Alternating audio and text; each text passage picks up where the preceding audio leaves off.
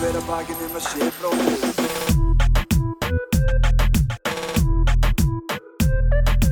Bera hver að bakinn um að sé bróðir eigi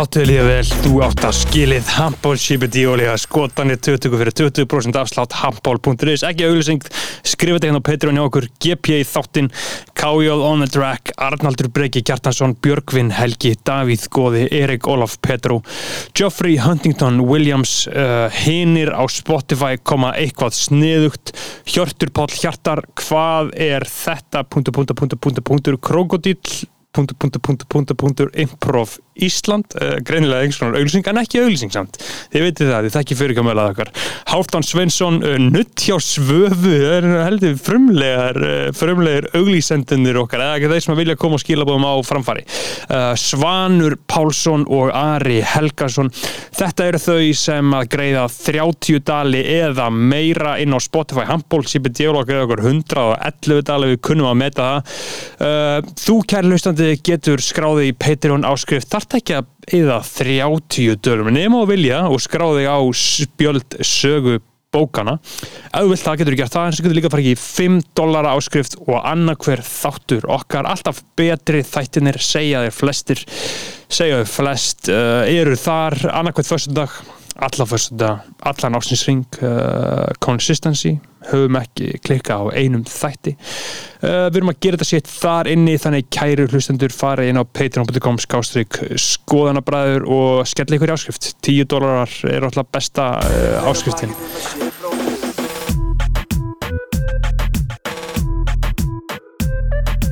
Bera hver að bakinn um að sé bróðir eigi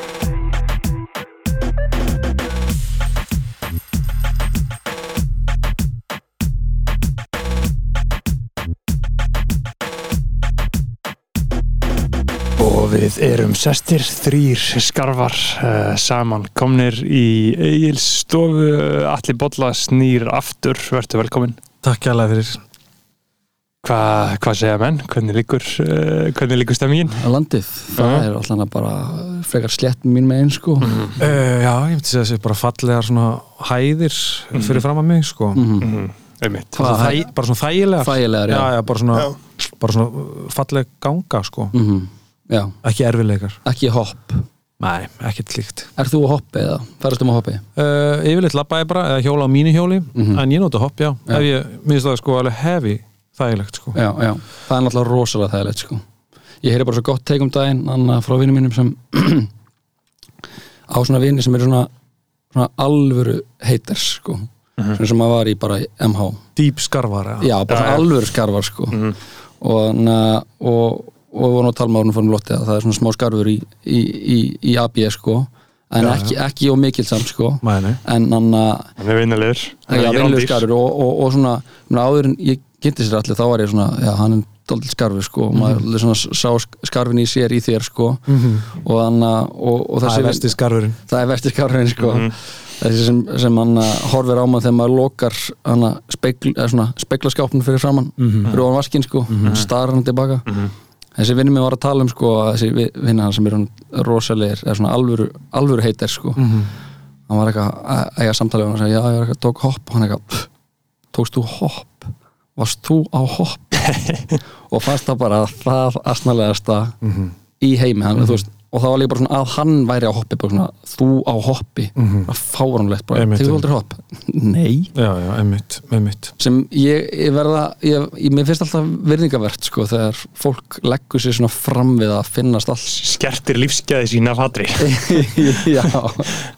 Það er virðingavert sko. það er svona smá eins og Ég- að verða prestur nema svona eitthvað reverse Já. Já, já, algjörlega, algjörlega Ég þekki eitt gæða sem að finnst uh, svo vandralett að vera lappandi Hann getur ekki látið sjá sig út að lappa Þetta er rosalega fyrir, Vá. ég er með öfugt ef ég fæði lánaðan bíl hjá fóröldum minnum Mhm. þú veist, þau er bara svona ekkert eitthvað mjög fína bíl, bara eitthvað Mhm. þú veist, 2016 Lexus eða eitthvað sko ég get eiginlega ekki, ég meiki eiginlega ekki að keira henni í bæ, að ég meiki ekki að einhver sjáu mig í bílnum sko. mm.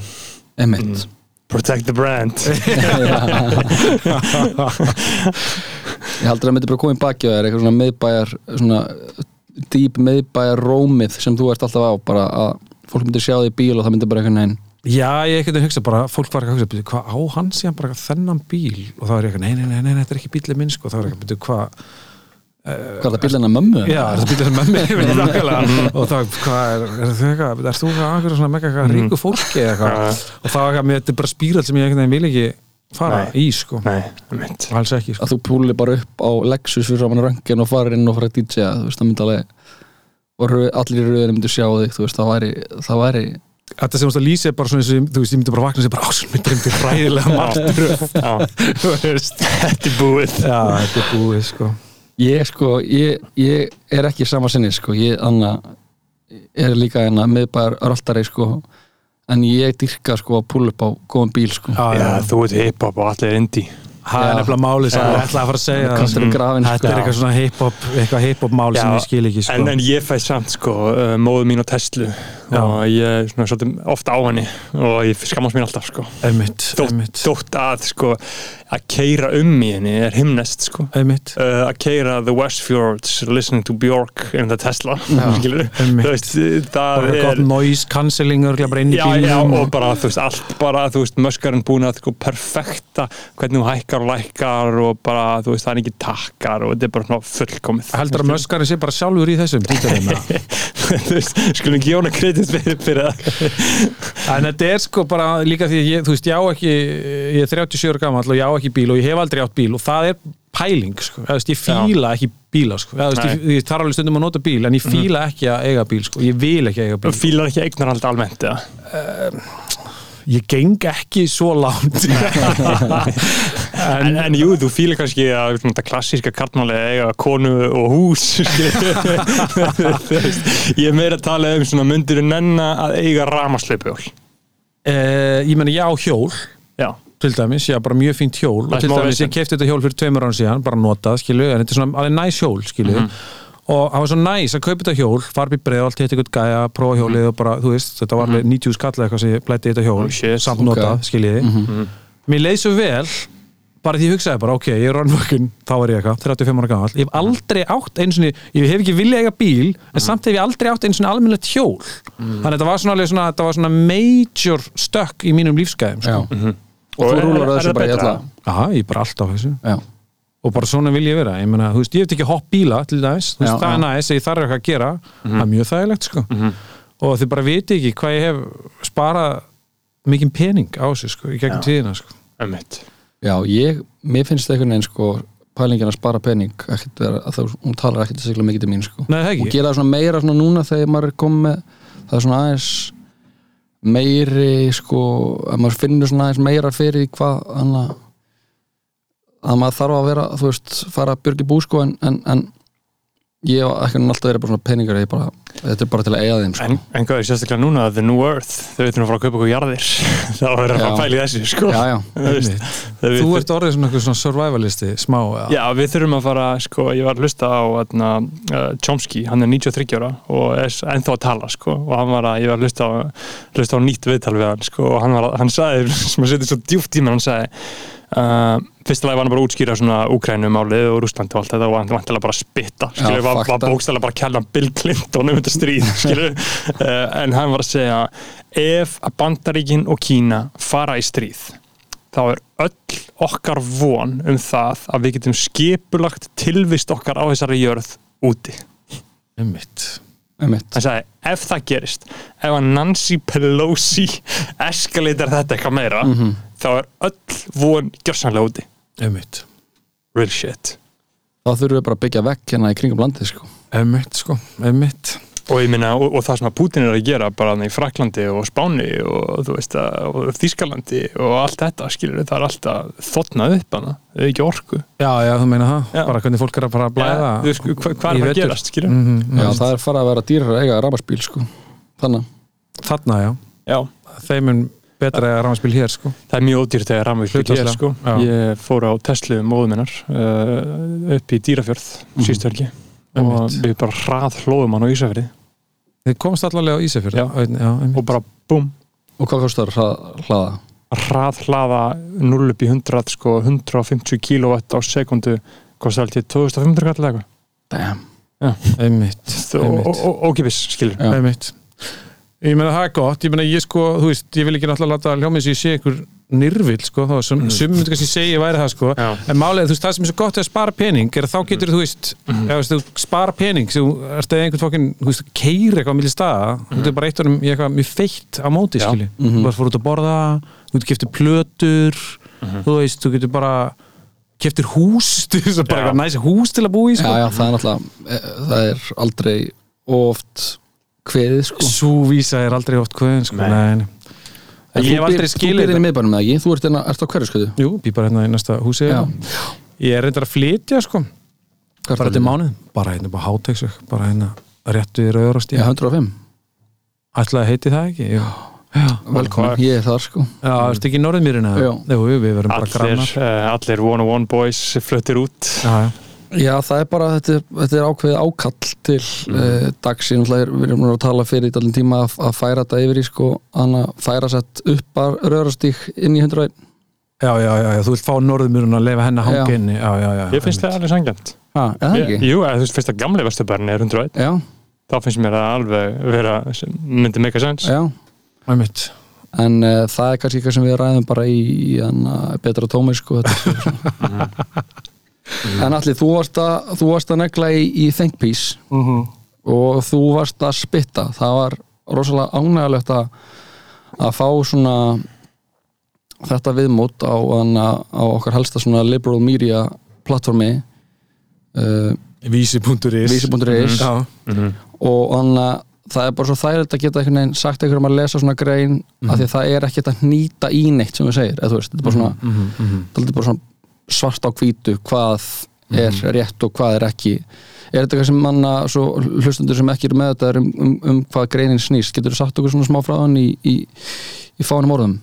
Já, þetta er sem sagt, uh, ég byrti þessa grein sem að kannski, sem agiterar í sem allra stýstu máli fyrir lögleðingu allra vímöfna en í því ljósi að uh, sko við séum að halda uppi skipulegari brotastarfsemi með því að banna vímöfni og ég menna ég held að það sé ekkit þú veist, það er engan snilling til þess átta sig á því að þó að skipulagi brotahópar standi í ímsu þá er fíknefnasala, þú veist, nummer 1, 2 og 3 hjá þeim. Og, og, og, þó að það sé líka bara, þú veist, svona kannski ógeðfeldari hlutir mannsal og vændi og svo líka náttúrulega bara eitthvað, þú veist, 12 árásir og eitthvað, þú veist, þeir standi í alls konar dæmi. Það er allt bara hliðar business við hliðina á því sem er skiptimáli sem er fíknefnasala og veist, það sem er minnst alltaf svo pirrandi við, þú veist, það er alltaf að gera hérna, haldleggja allir þessi fíknefni og, og, og, og, þú veist, þannig er bara staðan allt í lagi, þú veist, maður getur hugsa það, það pirrar mér svo mikið að hugsa að þú veist, þessi peningur fór næstu því á göduna, þessi, þessi efni fór næstu á göduna og þetta var næstu því að svo miklum peningi fyrir bara eitthvað krimma, minnst alltaf vera svona smá einhvern veginn set og löggan er alltaf að kvarta svo mikið undaði hvað sé mikil áskurinn og díla við skipulega brotahópa. Og maður er að skrifa marga, marga skýslur þetta er oft í fréttum, þú veist, því að stæðjar mega hætta hérna af þessu skipulega brotahópum en það er ekkert mál það er ekkert mál að uppræta þetta. Einmitt. þú veist, þú getur bara, þú veist, þú getur losna við þetta yfir nóttu, sko. Einmitt. Og þá- Legalize it. já, í alvörunni. Það er að svo þá góður er- er búin að segja mörg ár. þá ertu búin að fá, þú veist, þá ertu búin að fá risastóran skatstopp, skilji, þú veist, og þú getur notað þann pening til dæmis í að hjálpa fólki sem að, á eruleikum með fík og allavega, þú veist, svo bara svona talaði um í sér grein líka hérna sko sapist að segja að eitulif eru náttúrulega, eða þess að vímöfni eru ekki jafn hættuleg og látið er í veri vaka, mörg þeirra er, þú veist, ekkert þeirra er heilsusamlegt og sum eru mjög hættuleg en mörg hver eru bara nærri því ekki jafn hættuleg og svona okkur kannski, og við erum kannski alveg upp við að sjá svolítið í fjölmiðlum, þannig að ég svona fer svolítið í gegnum þetta og kannski punkturinn er ekki sísa á að þessi stefna er ekki að virka og hversu lengi ætlar bara fólk að berja einhvern veginn höfun við steinin og bara vona, herðu, ok, ef við höldum þessi bara áfram aðeins lengur, þá snýst þetta örgulega við að því að vímefna neysla fyrir bara vaksandi og það eru bara fleiri og fleiri átt að segja á því að þú veist að kannski er það allt í lagi út frá svona sjónamiði einstaklingsins og átt að segja á því að þú veist, við getum ekki verið að halda upp þessum glæpahópum, þú veist, við verðum að byggja þetta á einhverjum vísindalegum grunni og við verðum bara að treysta fólki, þú veist, að frelsi skiptir actually einhverju máli, þú veist, og það, veist, það talaðum við þessi í bandaríkjunum, þú veist, þetta er undantekningin frá stjórnaskráni, sko, þú veist, að menn Já. bara ráða sjálfur sér að nema já. alls ekki reykja þetta Illegal eða drugs. láta þetta onni vinur Þannig að já, í svona mjög stuttum máli þá er þetta svona pælingin sko Já. Já, Og- þetta er rosa mikill sannleikur sko. Já, þetta er náttúrulega bara í óleistri þetta er bara meikar enga sens veist, þetta er síra, en þetta er náttúrulega mjög erfitt að því þetta er, þetta er alþjóðlegt vandamál og ég menna okkar, þú veist, það er ekki bara einhverjir íslenskir stjórnmálamenn í 60 sem taka upp hjá sér, herru, við verum að banna þetta allt. Þú veist, þetta bandaríkastjórn gengur á undan og, og hún er svona hörðist í þessu og það er gerir alls konar alþjóða svona mm, einhverja bókanir, uh, samningar sem að svolítið bandaríkastjórn fer fyrir og síðan náttúrulega bara launcha þeirra þessu svona full on þessu war on drugs, stríðin gegn fíknefnum, hann svona upp úr 70 sko með Nixon og þetta bara svolítið leggur línurnar fyrir heimsbyðin alla. Já, og, hérna, og þeir eru náttúrulega ennþá bara mjög strangir í þessu og, og kannski ekki sísta því að veist, það er bara bandaríkin eru náttúrulega að mörgleiti magna samfélag en líka að mörgleiti mjög gallað samfélag. Og við sjáum til þess að öll sko fíknihæðun í bandaríkjunum er miklu verri heldur en viðast hvað annar staðar. Og hérna og það er náttúrulega bara stafar að því að sko, það, þú veist það er ekki þannig bara að þú hérna reykir jónu eða poppa pillu og þú ert orðin einhver fíkil sko. Það er einhver, þú veist, það er einhver bíó, það er bara einhver bíómynda frávik sem eru þannig. Þú veist, flest fólk hefur lendið í einhverjum áföllum það byrjar mjög ungt að nota efni uh, það er að glíma við einhverja geðsjúkdama, þú veist, hvort sem að þeir eru vægir eða, eða, eða alvarlegri. Áunur eða meðfættir áunur eða meðfættir uh, þú veist, fíkni er ekki eitthvað eitt. Það er ekki bara þannig að þú veist, það er eitthvað efni sem er satanist og, og, og, og, og svona læsir einhvern veginn klónum í þig. Það er alls konar skilir sem þurfa að vera fyrir hendi og ekki síst þá þarftu kannski bara og þá þarftu að upplifa að það sé einhver tilgangum í lífinu. Það þarf að vera eitthvað svona ákveðin öryggi og ákveðin svona ábyrð og, og, og bara svona hlýja og alúð og kærleikur. Og í uh, fátækra hverfum í bandaríkjunum þá skortir bara þessa hluti alveg, alveg sárlega. Og það er náttúrulega fík bara rampant. En það er ekki vegna þess að efnin eru svo svona, eru, eru þú veist, hafa þessa klær, heldur vegna þess að það er ekkit líf sem að býður þessa fólk sko. og þessi hugmynd uh, um einmitt að þetta ótrúlega hættulega eitulif grípi þig og sleppi þér aldrei er hugmyndin sem að Nixon uh, seldi þarna algjörlega. sem að, say no. Já, sem að hefur ekki verið uh, einhvern veginn rætt Nei, að nei. gæti verið einhver smá uh, skekkja í og við höfum lifað núna í 70 ár undir uh, þessari hugmynd og þessar neymitt Oliver Stone, uh, kvikmyndaleikstjóri kallaði Richard Nixon uh, the greatest criminal in the history of mankind. Einmitt, einmitt. Valdur flestra döðsfalla Einmitt, algjörlega.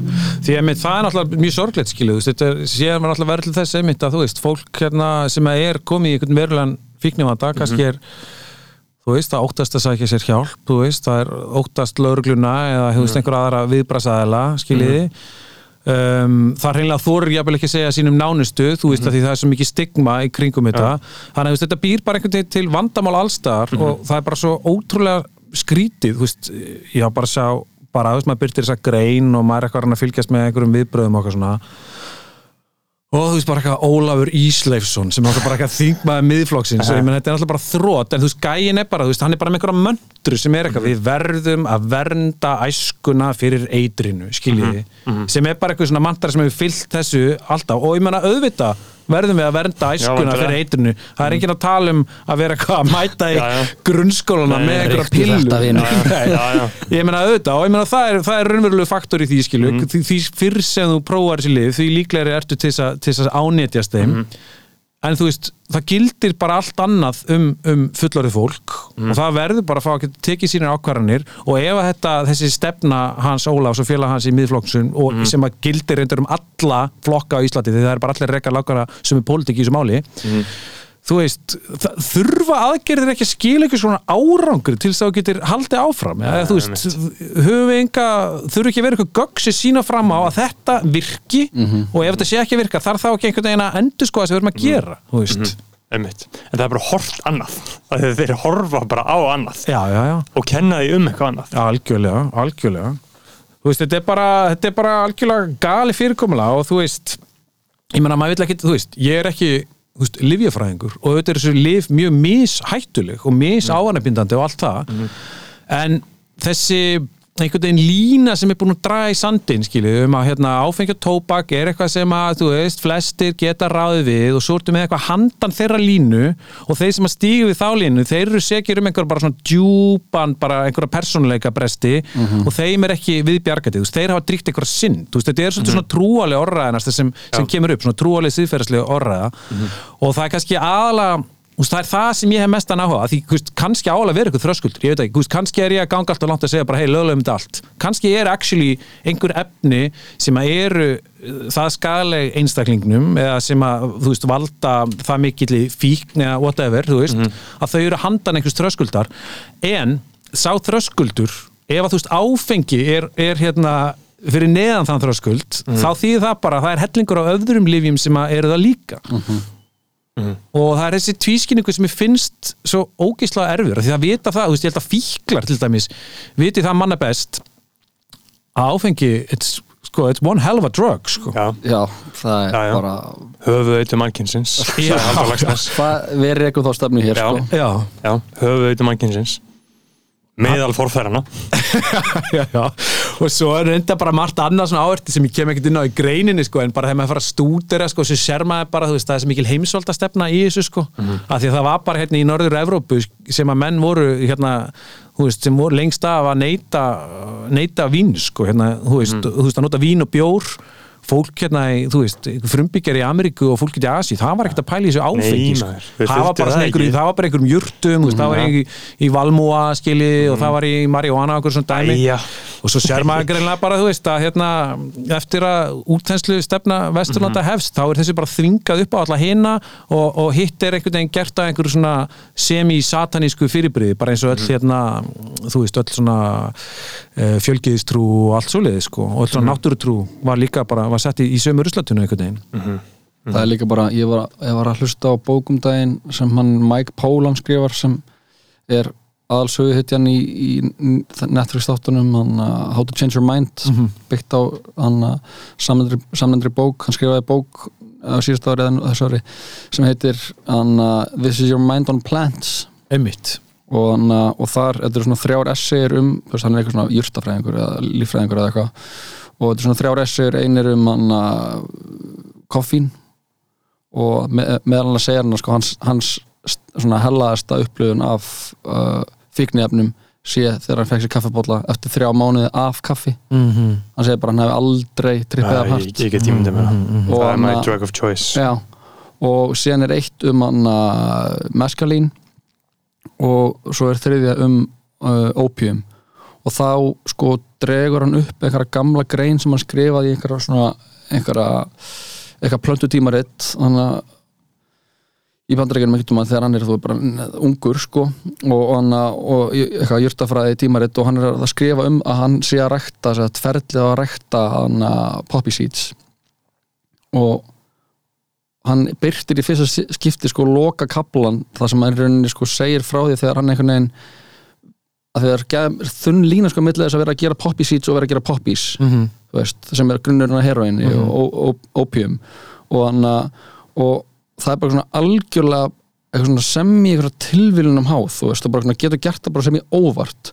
Og þá ertu held ég einu bara svona bara einn daginn ertu bara eitthvað garðirskimæður, Mhm. bara eitthvað með gróðurhús og eitthvað neginn að sinna áhugamálinu og síðan sko næsta dag ertu bara sko upplýsum með það að vera að rækta fíknefni Já, sem já, er bara sterkasta og bara svona hættulegasta fíknefni í heiminum. Bara, mm. bara ópjóðar, bara heroin þú bara ert bara svona að gera basically bara svona the devil's work. Einmitt. og sko útgefandinn hans á þessum tíma vildi ekki, treysti sér ekki í sko að hann að gefa þetta út af því að það hafi bara einhverjir einhver gaurar verið í einhvern svipum pælingum og bara hafi verið handteknir Einmitt. Einmitt. og það er bara svo einhvern veginn svona, það er svo marg, það er ágrinni af einhvern frásögnum sem sko styrkja hvað þessi sko tvískunningur er eitthvað fáránlegur sko á svo mörgu leveli sko Ég menna bara hérna eftir, þú veist, bara í næstu viku þá er að fara hérna út um alla borg og bí, hérna, þú veist, þá er að fara að koma einhverjir sveppir upp úr jörðinni Let's fucking go. Og þú veist, það er bara svo surrealist. Þú veist, ef þú ferð og slítur sveppin af jörðinni, þú veist, þá er þú allt í einu orðin einhvern veginn, þá ertu komin einhvern veginn öfu með við lögin, skilju, þetta er bara eitthvað sem vex vilt. Já.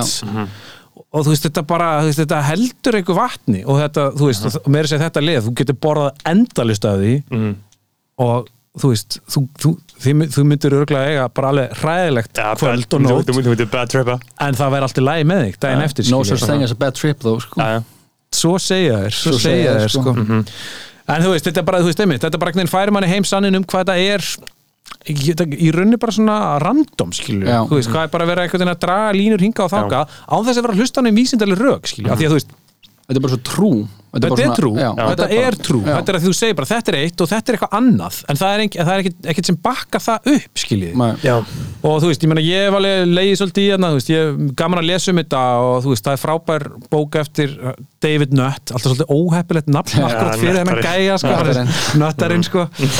En fyrir það sem að, því þekki ég hann örgulega en hérna, en hann var sess að hann er svona tauga og svona geðlifja fræðingur einhvers konar og mjög virtur á sinni sviði og var sérst lengi e, rákjaði brellastjórnar um vímöfnamál en svo bara, þú veist, lendir hann fljótlega upp á kant við stjórnina að því að til dæmis, þú veist, hann er yfir þessari nefnd sem á að fjalla um öll vímöfni, skiljiði og lögin eru þannig að ef, að þess að ríkistjórnin í Breildi ætlar að setja nýlög um að þess, það sem þau vilja banna einhver nývímöfni þá er hún eiga að leita ráðgjafar þessarar faglegu nefndar en málið er, svo er aldrei hlustað á þessa nefnd. Þú veist, það í Breildi er eitthvað sem heitir A, B og C svona scheduled drugs og þú veist, ég held að þetta sé líka í bandaríkjunum eitthvað svona 1, 2 og 3 og þá endur spekla er rauninni hversu hættuleg efnin eru, það er að segja, þú veist, það sem er í A-flokki er hættulegast, skiljið, það sem er í C-flokki er, er kannski minna hættulegt. En málið er það er bara meira minna öllu dömpað í A-flokkin. Og þú veist það á að vera þannig að það, eða, þú veist, eftir því sem koma fram meiri gögn og það er að gera frekar rannsóknir þá að vera hægt að skoða þú veist að færa efni á milli flokka það er aldrei gert og það er aldrei fært niður um flokk heldur sko. þannig að þá fer þú veist nött að skoða ok, bara, veist, hver, er, hver, er hinn raunverulegi skæði sem er hljóta staði sem af notkun þessar efna? Og þá ger þetta svona svo sem, þessi fræga sena þar sem hann skrifar grein þar sem hann sko ber saman sagt, útreiðar og bara í Útreiðar, sem gegn- sagt, hestbak. bara, já, bara fara á hestbakk og, og ríða út sko.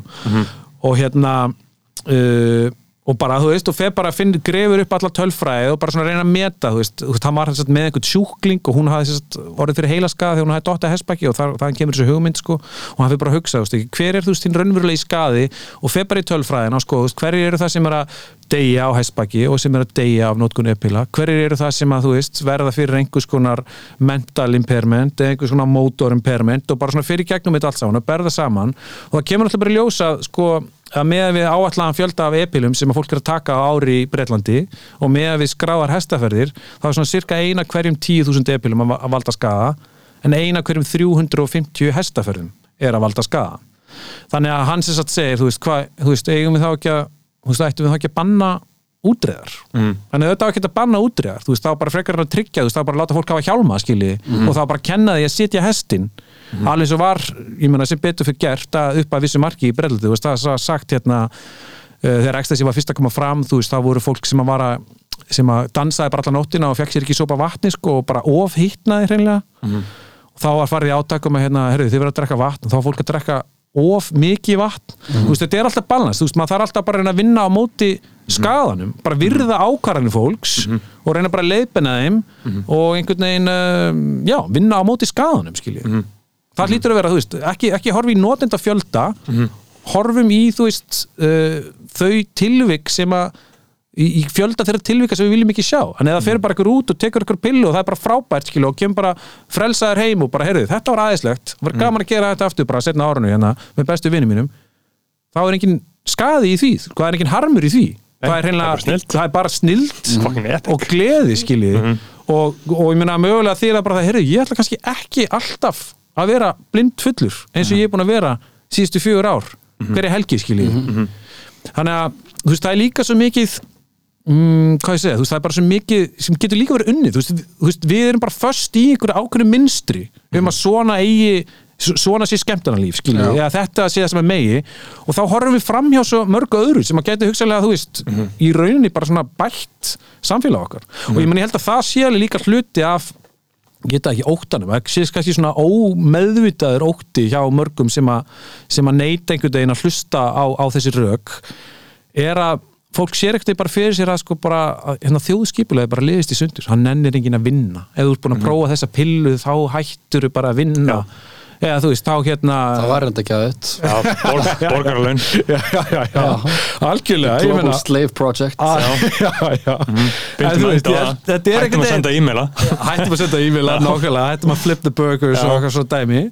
Og ég meina, en það er kannski, það er, ég held að þessi ótti Já. komi algjörlega frá uh, frá einhverjum stað sem er genuine. Já, ég held það, algjörlega. Ég- frá miðflokksmönnum að því ég, ég var að, að því ég skrifaði eitthvað svona eitthvað, eitthvað svona pislaröð sem heitir svona ég man ekki hvað heitir eitthvað á, á rúfi skrifaði og það er svona eitt topic og nokkur sem skrifa um hvert þú veist og bara stutti pislar, ég skrifaði um daginn það fekk hann að byrja að skrifa um uh, neyslu. Mhm.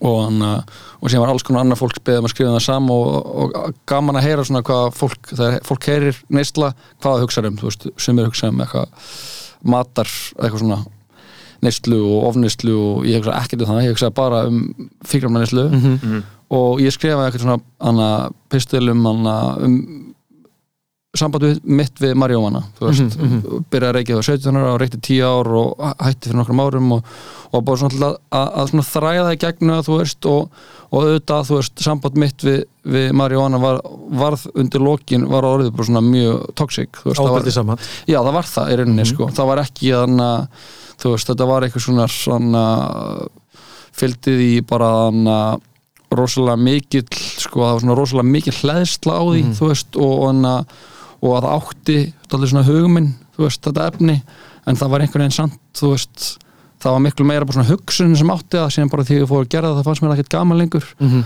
en annað, þú veist klassíst bara dæmi, þú veist og hann og mér finnst það var svona losandi fyrir mig að tala um þetta mm svona, þú veist, og síðan hitti ég vinn pappa í sundi og hann eitthvað svona herri ég hann ég veist ekki að þú hefði verið svona mikið þessu og hann og já, bara hann og bara gott og svona gaman að, gaman að heyra eitthvað tala svona um þetta og hann en síðan sagði hann svona, já, ég er ekki að gera þetta í, í mörg á, sko, en, ég, en, ég, en þegar ég gerði þetta fyrst, þá þá fann ég samt að það, að, þetta breytti ykkur í mér. Mhm. það, anna, það shiftaðist eitthvað svona, svona smá fókus eitthvað svona, svona það var svona vika eitthvað svona smá perspektífi þú veist. Og, og, og ég algjörlega þú veist, það gerðist algjörlega held ég hjá mér líka þú veist, það verður á sér stað einhvers konar svona þú veist, aðeins vikar vitundin, þú veist. Mhm. og þannig og en síðan bara svona tekur eitthvað ferðalag við sem hefur nekkert með það að gera, þú veist. Og nei, nei, hann uh, en það eins og þetta tala um, þú veist, að þessi eitthvað meðflokksmaður tala um að þú að vernda æskuna, vernda börnin, þú veist. Ef þeim, ef það var í alvörunni stefnan, þá væri verið að gera svo margt annað, þú veist, þá væri verið að Mhm. TikTok. Þá, þá verið að dæla þá er verið að dæla peningum inn í mentakerfið og þá er verið að algjörlega umbreyta hvernig við komum fram með börn og hvernig sko kröfnu sem við gerum gerum til fólk sem sko kom, koma fram með börn og hvernig við komum fram með börn okkar veist, og bara svona byrja þar þú veist, að við erum alltaf bara svona Íslands stjórnmál er alltaf bara að reaktera við einhverju sem á sér sko, sko orsök fyrir svona 20 árum, þú veist, bara svona ekki gaur sem er í neyslu og er bara brjálaður í bæ og maður er svona, hei, við þurfum að gera eitthvað í þessu. Og ég bara, hei, það er of seint. Þið hefðu þurft að gera það þegar bara hann fjölskyldan hans hafði ekki tengslanett pappans og mammas voru að vinna alltaf mikið og þau voru með sko svo mikinn alkoholisma í fjölskyldunni að það var engin séns fyrir neitt að gera neitt annað en nákvæmlega sem þau eru að gera núna og anna það er fyrir svona fólk þú veist, eitthvað svona miðflokks eitthvað miðflokks heila, þú veist. Þetta er alveg bara anna eins og við tölum um bara the swamp, þú veist, þetta eru bara anna, bara, bara úr, Velta sér um í votlandinu já, bara votlendis einhverjar fokking skeppnur, þú veist.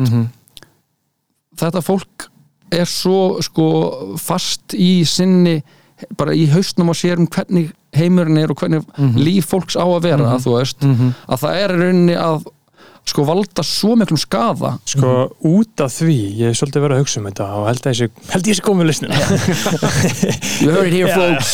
Þannig að það er sem sagt eh, að gamalt fólk, íhaldsamt fólk eh, sem að elst upp í þessum ótta elst upp í samfélagi lega það sem bara the lords of lies eru búin að búa til einhver viðmið og það er bara að lifa eftir þeim og allt er falskt þú veist, í samfélagi lega þá er sannleikurinn ógn og það er þakka niður í honum. Það er svona mm. bannaði Nixon LSD á, á sínum tíma.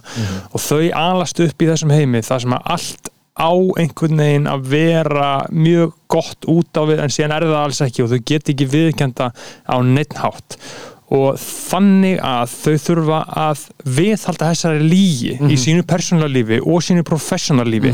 Sérstaklega ef það vill drotna yfir öðrum ef þú vilt fara þing og ráði við öðrum þá ertu, þá ertu alltaf bara að réttlæta þína eigin hegðun og þína eigin gjörðir með því að láta annað fólk vera eins og þú. Þú veist, þannig er egoð að virka. Þetta er þetta sem Eckhart Tolle er að tala um.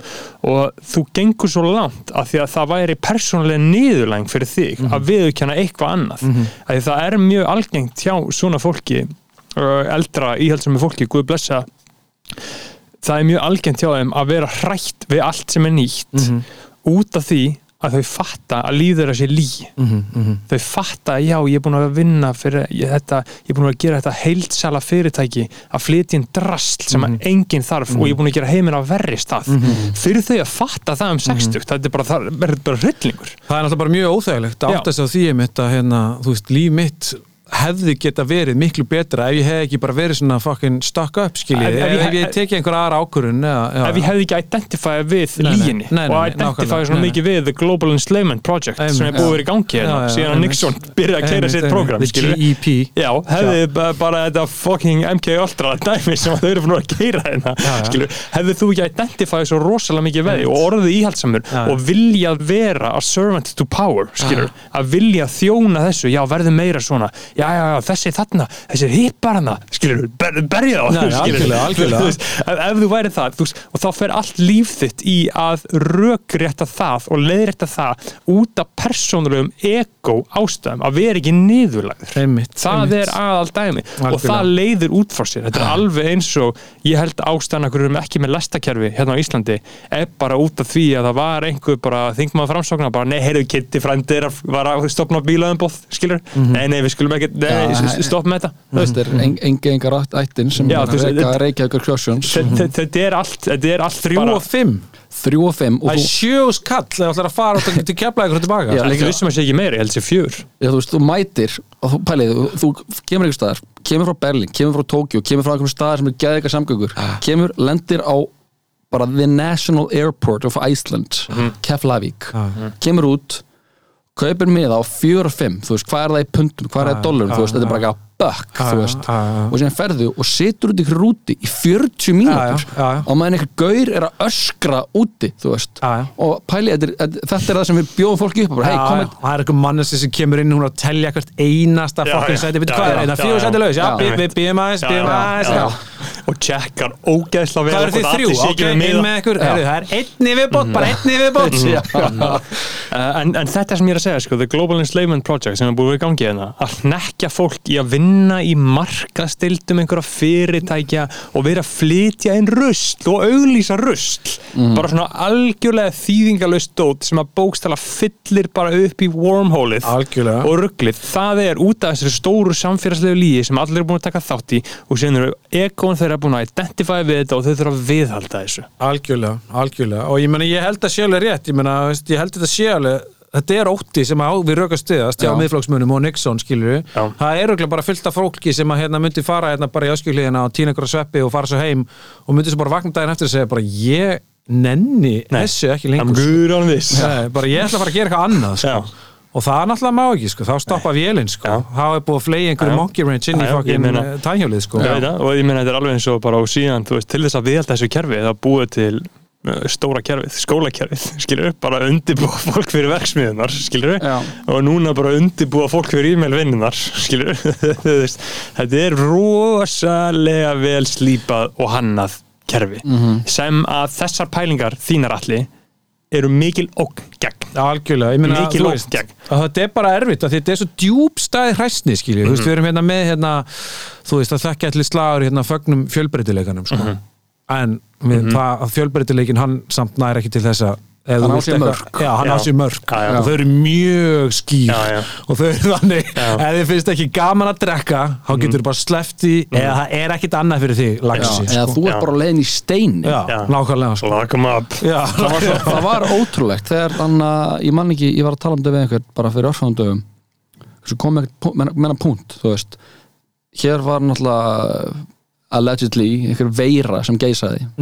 Hinn hin svokallega að vera hinn svokallega veira, ég fekk hann ekki Það heldur ekki, ég fór ekki svona í sókni nei, og hann að uh, Snerti mig Og ekki, með- gera sem ekki Hof á, á, á, meðan, hann, á meðan hún uh, allegedly geisaði þá hann að var hér bara allt uh, lok, lok og læs. Og það, hér var bara bannað að fara út og vera meðal fólks og hann að og hér var bara svona rosalum hann að skafa einhvern veginn komið fyrir og bara svona hvernig, ég veit ekki hvernig, hvernig, best að, að maður beiti skaða þú veist, hér, hér var bara rosalega hann að öfgafullar aðgerðir sem höfðu sko rosalega mótandi áhrif á uh, þá hópa sem eru hvað mest þú veist, viðkvæmir fyrir Mhm.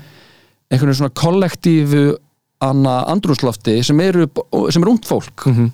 og þannig að við erum alltaf að tala um eitthvað svona, já, hvað með gamla fólki með svona, jú, herru, gamla fólkið they had their time, ég er ekki að segja við um bara að leiðu sér geisa og leiðu öllum að deyja, þú veist, en það er en, að, það er bara way of life að að uh, að einhvern tímann þarf maður að deyja, þú veist. Og ég var ekkert að gaspra þess að leiðu þeim bara, leiðu þeim að deyja, þú veist. En, en það sem var að gerast var bara að krakkar ungt fólk sem er bara svona sem er sko á sko fyrir utan bara þetta er ótrúlega, ótrúlega skrýttum stað að vera alast upp. Það sem þú ert einhvern veginn með einhver stórfyrirtæki er bara að búa til eitthvað tæki þar sem þau geta dælt í þig einhverjum áróðri og einhverjum kjaftaði sem er á að bara móta gæssanlega hugmynd þína, hugmyndið þínar um hver þú ert og hvað þú átt að gera og bara svona, þú veist, bara svona og fokka svo mikið í þér, þú veist. Og þannig ofan á það þá bara er öll, all, allt félagslíf, allt einhvern svona alla speiklanir sem þú getur, þú veist öll tækifæri þi- fyrir þig að speikla því öðrum og sjá bara svona, er ég svona, er ég svona, er ég svona? Þið er bara kift burt og bara allt skemmtanhald kift burt og það er bara, heru, Anna, getur við allan að fyrir skólan? Nei það er ekki fyrir skólan það, má ekki, það, það má ekki koma veiran í skólan og bara já ok, þannig þau eru bara heima að læra heima. Pæli að hafi verið bara eitthvað unglingur og þú er bara eitthvað já já, nú er það landafræði og bara hérna er Noregur hérna er Svíþjóð og maður er bara heima bara fuck, þú veist, hvað á ég, að þú veist, who am I? Þú veist, og ég var fyrir nokkrum árum að gera sýningu upp- í hana í borgarleikusinu og fór að tala við kennara í, í, í borgarhaldsskóla og hún sagði bara að því að maður náttúrulega er eitthvað MH-ingur og maður er með eitthvað svona eitthvað ákveðni heims sín hún var, hún var að segja bara, þetta er upp í grái hún sagði bara krakkarnir hérna að einhverju leiti, þeir eru bara með hettur og þeir fara bara með veggjum að þeir vilja ekki að við röskum í röskum einhvern veginn heimsýn þeirra. Vil, þau vil ekkert, það vil ekkert allir heyra eitthvað svona, hei, það er því svona mörg kyn það er hægt að gera, vera svona, svona, Nei, svona. nei, nei. þau eru bara, hei, jó, ég er að reyna að fatta bara hver ég er á svo basic leveli ég get ekki fengið allar þessu upplýsingar það bara fokka mér upp.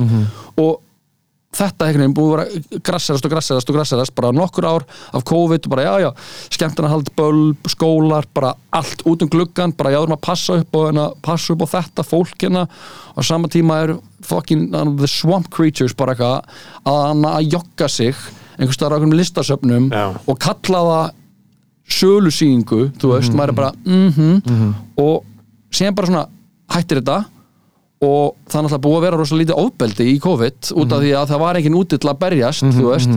en síðan byrja COVID, síðan er þessi annað aflétt og við byrjum aftur að drekka og þá er við löggan bara já, nú er ofbeldi byrjað aftur og maður er bara, hvernig getið þið?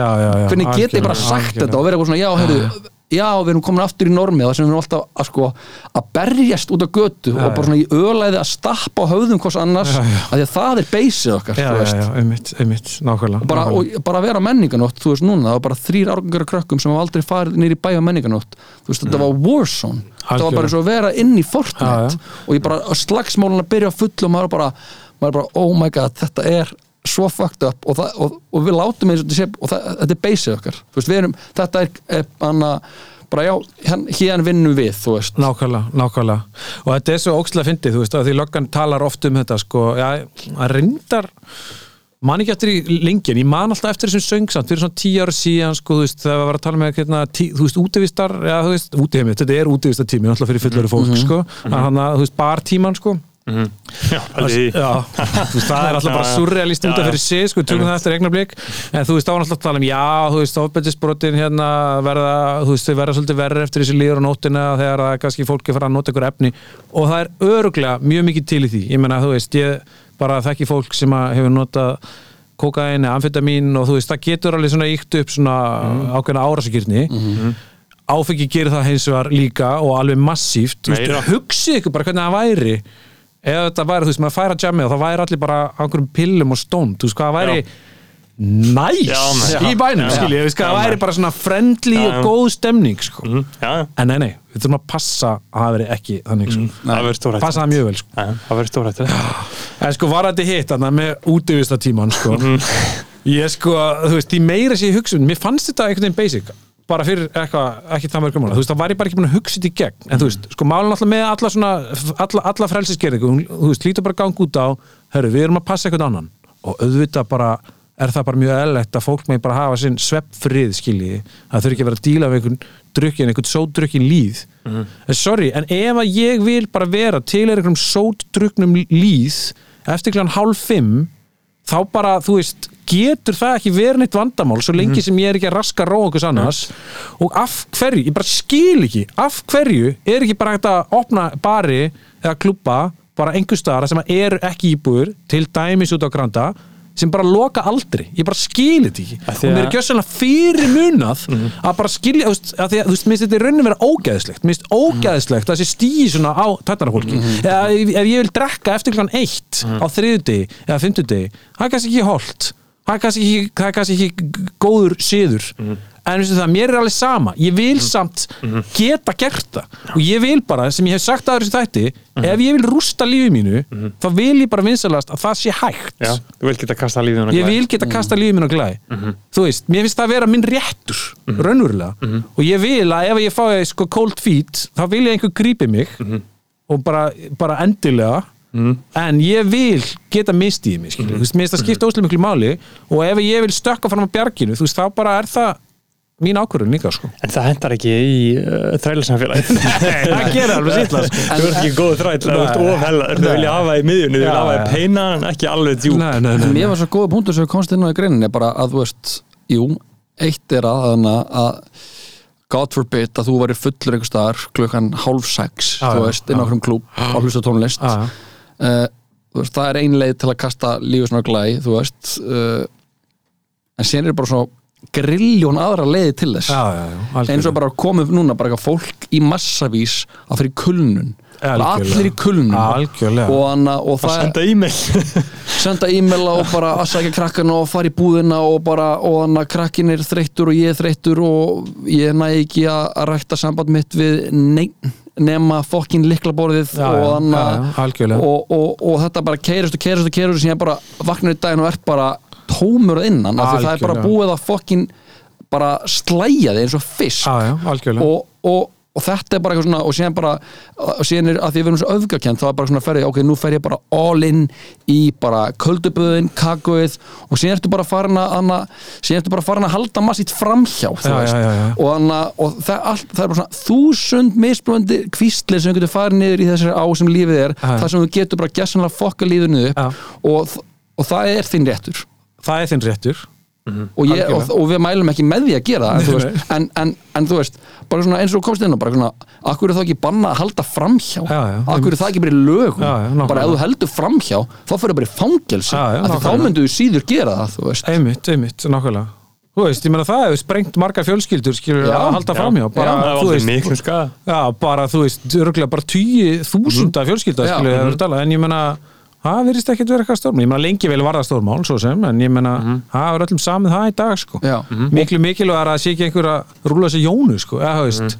Já og, bara, og, og, og að sko að að- að öskra einhvern þú veist, Já. svona margt að svona dóti bara hvað ætlar já. að draga línuna? Bara já, heyrðu, neð það, nei, þetta er ólögt líka.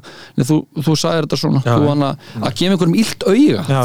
það getur rústað það getur, getur bóstalega rústað lífum bara. Meina, við erum ekki rannsóknir en ég meina, hva, veist, hva, hvað höldum við að bara samfélagsmiðlar hafi eigðilagt mörg líf, eða búið til marga það er bara kvíðasjúklinga, marga consistently þóglitisjúklinga að, fram, að framlega á hverjum einasta degi Gæti Sökkerbergin verið að taka fram úr Nixon Hræðilasti klæpamaður Nei, mannkinsjónar menna, það, það er bara sem er í gangi veist, og, og, og, og, og það sem gerist líka er að sko, viðmiðin okkar bjagast svo. Mhm. við þurfum að, að horfa á einhverja hluti sem einhvern veginn okkur sagðir að séu dygðugir og góðir Algjörlega. og maður er eitthvað, já, eða þetta er ég að gera anna, ég er að kæra ekki að gott prógram að auglýsa en að að auglýsa en einhverja koffindrykki og nikotipjúa til já, unglinga. einmitt, einmitt. og það er, og er að búið til gott ma- mót, það að gera gott og er, að, að kassa massíft inn á því já. þá er ekki að gera gott mót. Já, Pöntum hérna uh, armbönd frá Kína og skrótum á þau og selju þau. Já.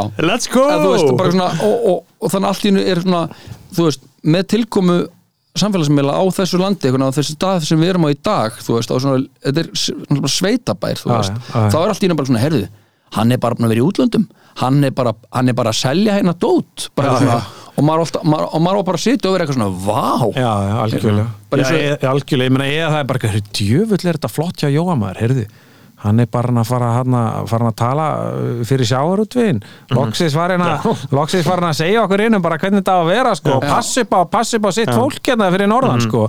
Þú veist, það er eins og allt þú veist, það er engi sem spyr við neinn störf sem eru lögleg. Það er þú veist, eins og maður setja svo mikið með fjölmýlafólk sem fyrir yfir í svona upplýsingafulltrúa Já. gig akkur ekki sem segir bara, ha, ertu bara upplýsingafulltrúi fyrir þetta skýta apparat sem hefur það eina á dagskara sinni að bara fjefleta fólk og bara, og bara ræna auðlindum okkur, svona. þú veist, þetta er svo, er svo óksla skrítið, sko. Það er engin og það er ekkert eitthvað svona ól að þú veist það er bara er ekkert hægt að draga línuna, það er ekkert hægt að segja bara að þetta er ekki þetta þú veist. nei, nei, nei, nei. Og, og það er bara með bara fokkin dæla þessu bullin í hausuna okkur drekki nóga fokkin bjór og þannig Og nokko. Og nokko. Og, og noti fokkin nekotipúðina og, og skrifa nóga marga e-maila og bara eins og hana, Búið til skellið project. Já, nef, eins og, eins og hann vorum á sköpsfundum daginn og Sigurinn Kjartansson kom með hennar punkt ég var, ég var eftir, að, eftir að hann ég var að lesa, að hlusta aftur á Eirík tala um hann pistilans Styrmis Gunnarssonar. Mm þannig að ég held að ég kom með inn á þetta um daginn þú veist, þegar að tala um að hér, er ekkert að við erum ógæslega þjóð þú veist, engin prinsip og bara tækifæris mennska og valda baróta og, anna, og, og, og Sigurinn sagði bara eitthvað, heyrðu, á Íslandi er, er sko baróta hjá ellilífisþegum að hækka aldurinn.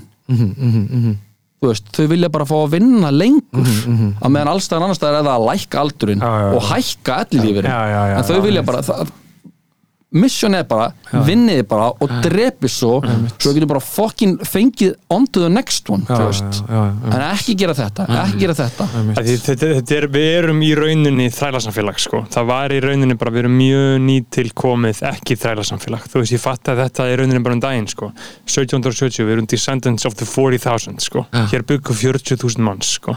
mamma mín er fyrsta kynslu og borgarastjættar skilji hvað ég meina, þú veist, amma mín og afi bygg upp í sveit, flutt í bæinn skilur, þú voru þrælar. Já, já. skilur, þú veist, þrælar náttúrunar þrælar lífskiljarna, þrælar danakonungs Já, já, já, já, já. við erum, þetta er ekki slittar en það sko.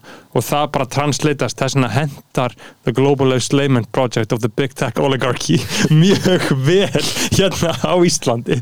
Þau bara neppa fólki í mér þrældum bara já, heyrðu, við erum einna fyrirtæki og við erum einhvern veginn að ljúa því að við séum cool og erum að gera eitthvað cool og þá vilja allir gera mikið fara í vinnuðar og senda í mér það þú veist, það er nákvæmlega sama og var við að gera, það er nákvæmlega sama og Bjartur Sumarhúsum var að díla við bara að sá fræjum í akkur óvinnaðings, skilur það er það sem við erum að gera og við erum að nota, sérstaklega að fólk er eitthvað að tala gegn því eins og allir eitthvað á Twitter núna hvað er rosa cool að vera aktivisti, skilur þú veist. Þú ert að, nota, þú ert að sá fræjum í akkur óvinna eins, og- eins og Bjartur var að gera. Þú ert að nota the master's tools skilur Já. þú ert að Já, já, já, stelast inn í algjörlega, algjörlega. húsið og það er Samuel Jackson þarna úr uh, Django myndinni skilur, þar er hann, þú ferð fram hjá honum inn í húsið og sækir tólinn og ferð út að nota þig skilur. Algjörlega. Og þetta er náttúrulega bara svo mikið, þú veist, ég veit ekki það er bara einhvern veginn, fólki er svo mikið að fokkin pósa skilju, ofta er það fólki sem er einmitt, eins og ég segi, sem er trilltasta móti í samfélagsmiðlum það er náttúrulega lang, lang mest dedicated notendunir Mhm. og ég, ég skilur, þetta neppir í þrældum þetta er raunverulegur þrældum þú veist, þetta er fík, sko. skilur, og, veist, og, ég, og fík sem er miklu verri heldur en þetta er hellu fík. Já, já, algjörlega, þú veist, og ég skil það og ég Þetta bara, er epidemic. Já, Það ætti að þetta er lýsa- epidemic. Það það ætti að lýsa yfir svona djúb neyðarástandi. Já, bara skaftar eldra neyðarástandi. Einmitt, einmitt. 11 tímar í screen time en, bara. En á endanum skiljið, þú veist, þá held ég bara, þú veist, að fólk þarf bara svolítið einhvern að, veist, taka aftur, þú veist, reyna bara svolítið að taka Já. ábyrði sjálfur sér og bara, hei, ég, þú veist, ég ætla ekki að vera með, skilju, Nei. og það er svona einhvern veginn, það er ákveðin sem minnst óslega leðilegt, svona leðilegt dæmi í samtímanum, þú veist, bara ekki whatever, það kemur upp eitthvað með eitthvað Spotify eða eitthvað, ok, Spotify, þetta eru, það er enginn að fá borga og þeir eru að búa til eitthvað gerfimenni til þess að, þú veist, búa til einhverja fake tónlist og eitthvað svona. Og hérna, og þú veist, eitthvað, og Neil Young er brjálæður til Joe Rogan og eitthvað, taka, eitthvað svona. Johnny og mér er svo mikið vera þú veist, viðkvæðið hjá svo mörgum er eitthvað, já, en what can you do about it, ég bara Já. verð að nota Spotify, en gaur þú verður ekkert að gera það sko. Þú veist, þú getur actually ekki gert það, já, það skiptir ykkur máli þá ég, hvað ég geri, en þú veist ég veit ekki, veist, það eina sem gæti mögulega skipt máli, sant, er að þú hættir í, þannig ég held að þú veist það er auðvöld að gefast bara upp segja bara, heyrðu, ok, við erum bara hérna þrælar í the global, Já, the Global Enslavement Project, já. en ég er samt nægilega bjartist til að halda að þú veist að það er eitthvað, þú veist, að einhver svona, svona solidarity og bara að fólk actually Mhm. bara st st einhvern veginn standi við sín prinsip Mhm. uh, og ef að fólk fær að gera það á einhverju skala þá myndi það hafa einhvers konar áhrif sko. Mhm. ég er alveg svolítið þar þannig að þú veist, til dæmis bara, þú veist, ég hérna ég fór bara í takasíma 2017 skilji, ég. Hugsa bara, Ára- ég ára nenni cool. sér ekki. Ára cool, já. ég hugsa bara, ég nenni sér það ekki. ára er það cool núna?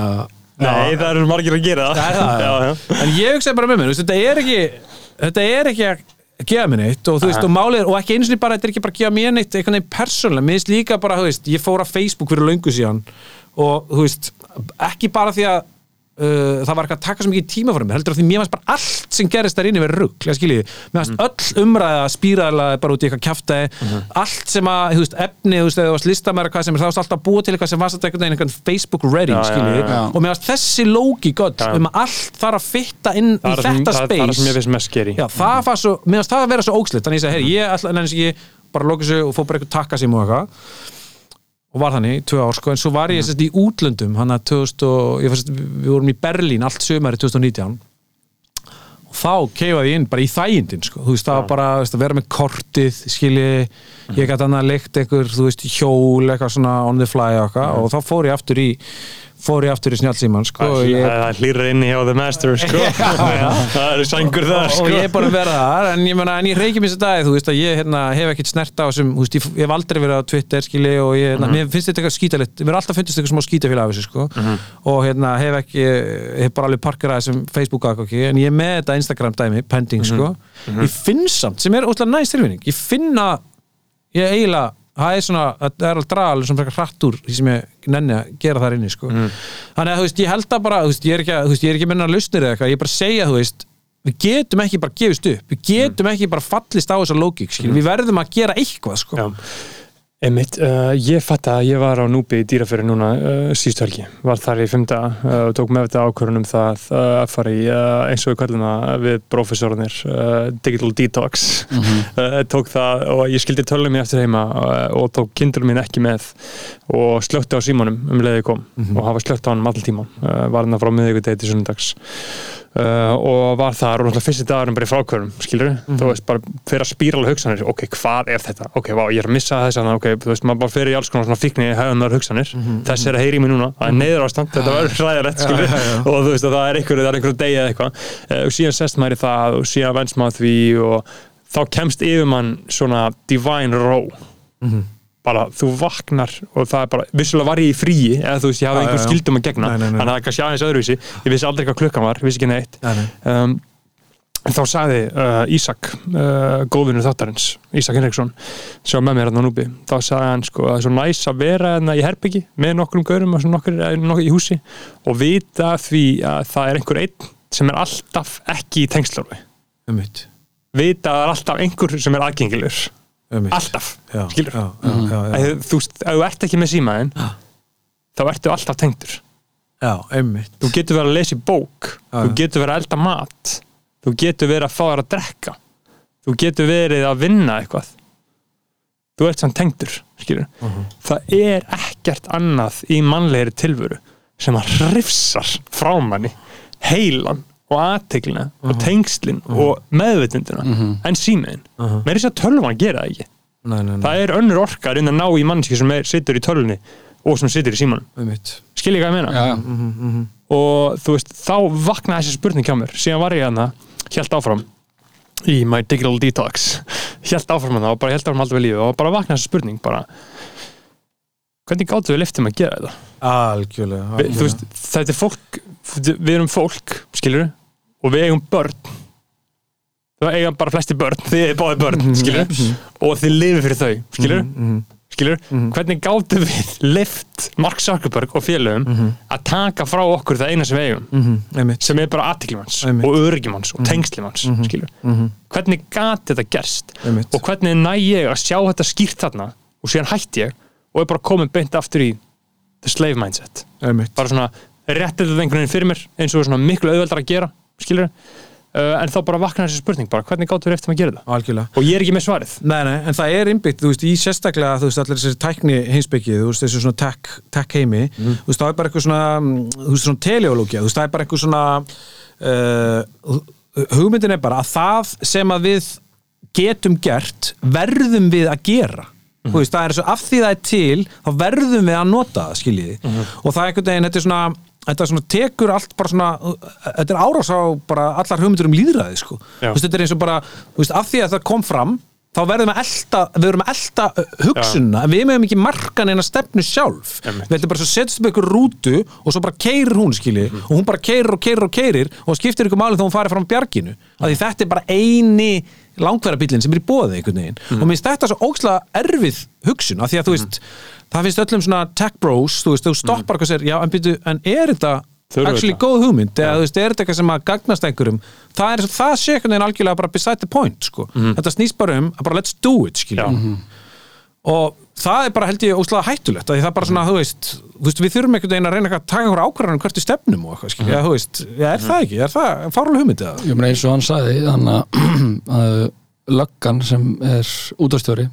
er útastjóri Stefán Eiríksson sagði í, í ræðu sinni í Morfís fyrir, þó nokkrum árum Já, hvert liggur þessi vegur sem við leggjum handa vélum? Já, einmitt. Þú getur botnað þetta sem ég sko, þú mannsettur þessu. Nei, ég er Nei. bara ekki eftir þessu, sko. Nei, ég mann heldur ekki botnin Nei, en hann er hellaður sko. Já, en þú veist þetta er rosalega góð spurning sem er ekki verið að spyrja Nei, Nei. nei. Hvernig gáttu við eftir að gera þetta? Að, þú veist, akkur, Hvert er þetta að fara? maður að horfa fréttinar og það bara svona, þetta gerðist þarna og þessi var rosa ánægð með það. Og svona skemmtilega fréttir og maður er eitthvað svona, þú veist, af hverju er ekki bara ekki fréttar um að segja bara, hei hvernig, hvernig leifðu við þeim að gera þetta? Já, já, já, einmitt, einmitt. Hvað getum við gert? What they took from you! Já, já, bara they took our job Já. stæmi, sko, Já, þú veist, já, það er já. bara hann en það er en, en, en, en það sem hann það sem ég kom inn á hann því ég var að tala um, um, um grasið og vinnars pappa sem var að tala um þetta þú veist, það opnaðist hann og við vorum líka að tala um hann um, með hræðsluna, þú veist, hjá, hjá, hjá, gamla, hjá gamla fólkinu og þú veist og að vera er náttúrulega bara ákveðið hug, hugarastand, þú veist, það er hann að það er perspektíf, þú veist, það er eitthvað sem,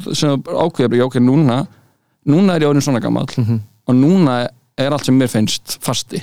Já. núna er það komið. Já, og, síðan er ég bara að sigla lignan sjó hérna í frá Já, einmitt, einmitt en það eru til uh, verkfæri sem geta hjálpa þér hver sem þú ert að losna út úr þessu fari. Já, Ólaður Ísleifs, ef þetta hlusta. Það er samband. Við getum reddað þér í einhver gott trip.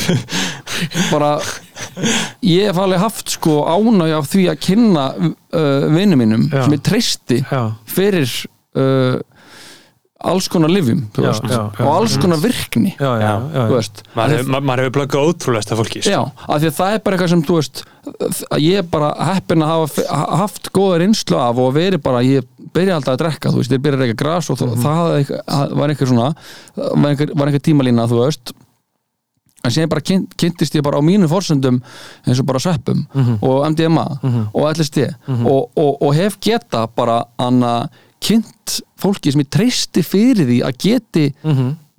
díla við það sem gerist þegar þú ert undir áhrifum þessar efna. Kynnt þeim fyrir þessu og sagði bara hei, gjör svo vel, þú veist. Bro, if you go, my brother. Já, og bara hana, run along, þú veist. og síðan kemur fólk tilbaka og er bara oh my god, Já, þú veist, bara, fólk sem fyrir nokkrum árum ég hefði aldrei séð það fyrir nei, gerast nei, nei, nei, og, bara, og, bara, og, og, og bara hvernig er þetta, Hva, hvað er að fara að gerast? Bara hei, það sem er að fara að gerast er bara það sem er að að gerast. Já, já, og við verðum bara að treysta því. Að við verðum bara að treysta okkur veist, Mhm. og munurinn essentially þú veist, á mörgum af þessum efnum þú veist, ég hef aldrei prófað kóka en ég hef aldrei, þú veist, mikið að dóta sem ég bara drega línuna við, þú veist, að því ég bara fokk ekki með konseptinu, þú veist, Nei, nei, nei. og ég fokk ekki með, þú veist, virklinni og, og svona áhrifinu sem ég hef séð bara í mínum persónulega lífi, þú veist, og áfengi í þeirri mynd sem við neytu þessi dag er bara anna, þú veist, það er það er, svo, það er svo mikið að dótið sem gerir, fólk gerir undir áhrifum áfengis sem það myndi aldrei gera í sínu bara dagstælega lífi og það er svo mikið að dótið sem bara gerur bara svona að ég hef prófað að drekka nokkuð vinglus og finna á mér og hugsa bara svona, bara svona já, ég er kærulaus, ég er svona smá svona horny og ég er svona smá pyrraður og þetta er svona skelfileg blanda.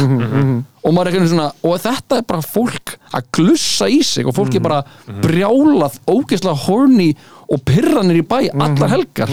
Day in, day out sko. day in, day out. Já. og, anna, og við einhvern veginn svona og, og við The Global Enslavement Project er bara svona, heyrðu, þau er búin að búin við við fá þér í kaldan sko. og, anna, og bara já, þannig kæfu við þetta en þessar tilfinningu sem vakir að freka grundi brjóstum landans, þú veist, um hvað hvað er eiginlega að gerast í lífinu mínu, þú veist mikið, mi- mikið af fólki sem bara svona he, að því að það er bara vennan bara. Fólk byrja í mentaskóla, fólk byrja að drekka. Fólk, eða klára grunnskóla, byrja að drekka þú veist og er að drekka í mentaskóla og það er ekki ekki gaman og, og, og, hana, og, eins og bara eins og bara í MeToo-bylgjunni þú veist, það var hann að þvílíkar umræður þú veist, um um bara forréttindi og um vald og svona ótrúlega mikið hlutir sem var ótrúlega gott að koma inn og ég kom inn á þetta áður en, en það sem glindist algjörlega að tala um er að við erum alltaf að tala um einhverja aðstæður þar sem, þú veist vit aðila er skert af áfengi. Já, já, það er Allir rofi. Já, og, og, og, og, og bara hvernig kynnustu þið? Bara, hvern, mamma, hvernig kynntist þú og pappi bara,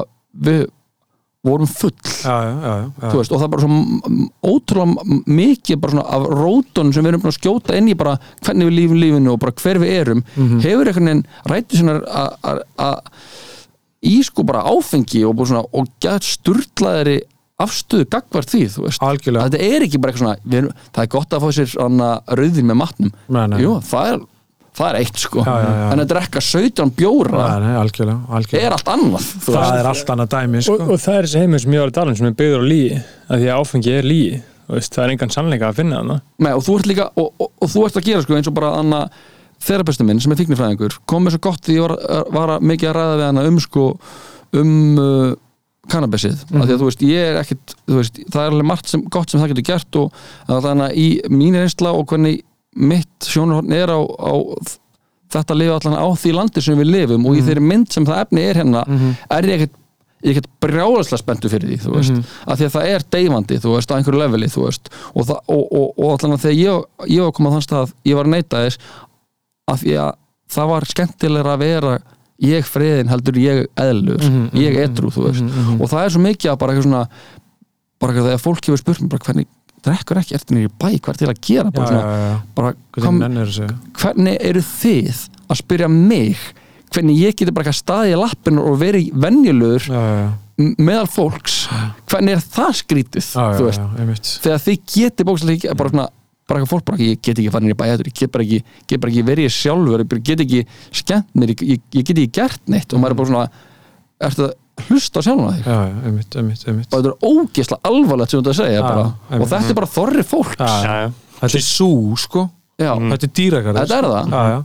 en ég meina, þú veist, ekki það fyrir ég, meina, ég drekka áfengi skilur og mér finnst áfengi að mörgleiti vera mjög feitt sko. já, þú veist, það þú veist, losar um ákveðna svona hömlur þú veist, losar bara aðeins um eitthvað svona málbeinið en ég hef bara verið nægilega langsamur einhvern veginn, ég hef alltaf skilið að þú veist, síðan er bara eitthvað kapp skilur Já. og þú veist, og eftir, eftir það er ekkert mjög gaman en ég á bara mjög marga vinni sem að hafa ekki þennan stoppara og þú veist, og það er alltaf bara, þú veist, eins og að horfa bara á einhver eftir einhverju liði bara út í sjó sko. Já. Já.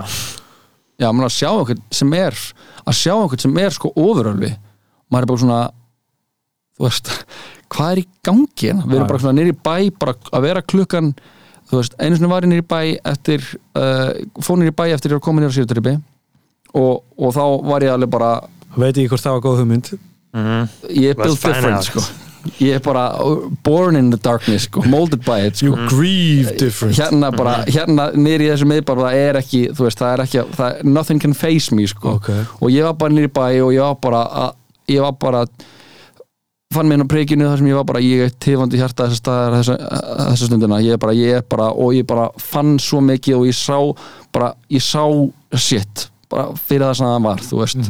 Og síðan var ég, kom ég út og ég hugsaði bara vá við erum bara á þeim stað núna bara hérna, þessi stað, þessi stund það geti hvað sem er gerst ég geti gert hvað sem er og það væri bara eitthvað svona viðtekin hefðin ég geti bara hagað mér á einhvern óböldisfullan bara sturlaðan hátt og það væri bara viðtekin hefðin, það væri bara eðlilegt.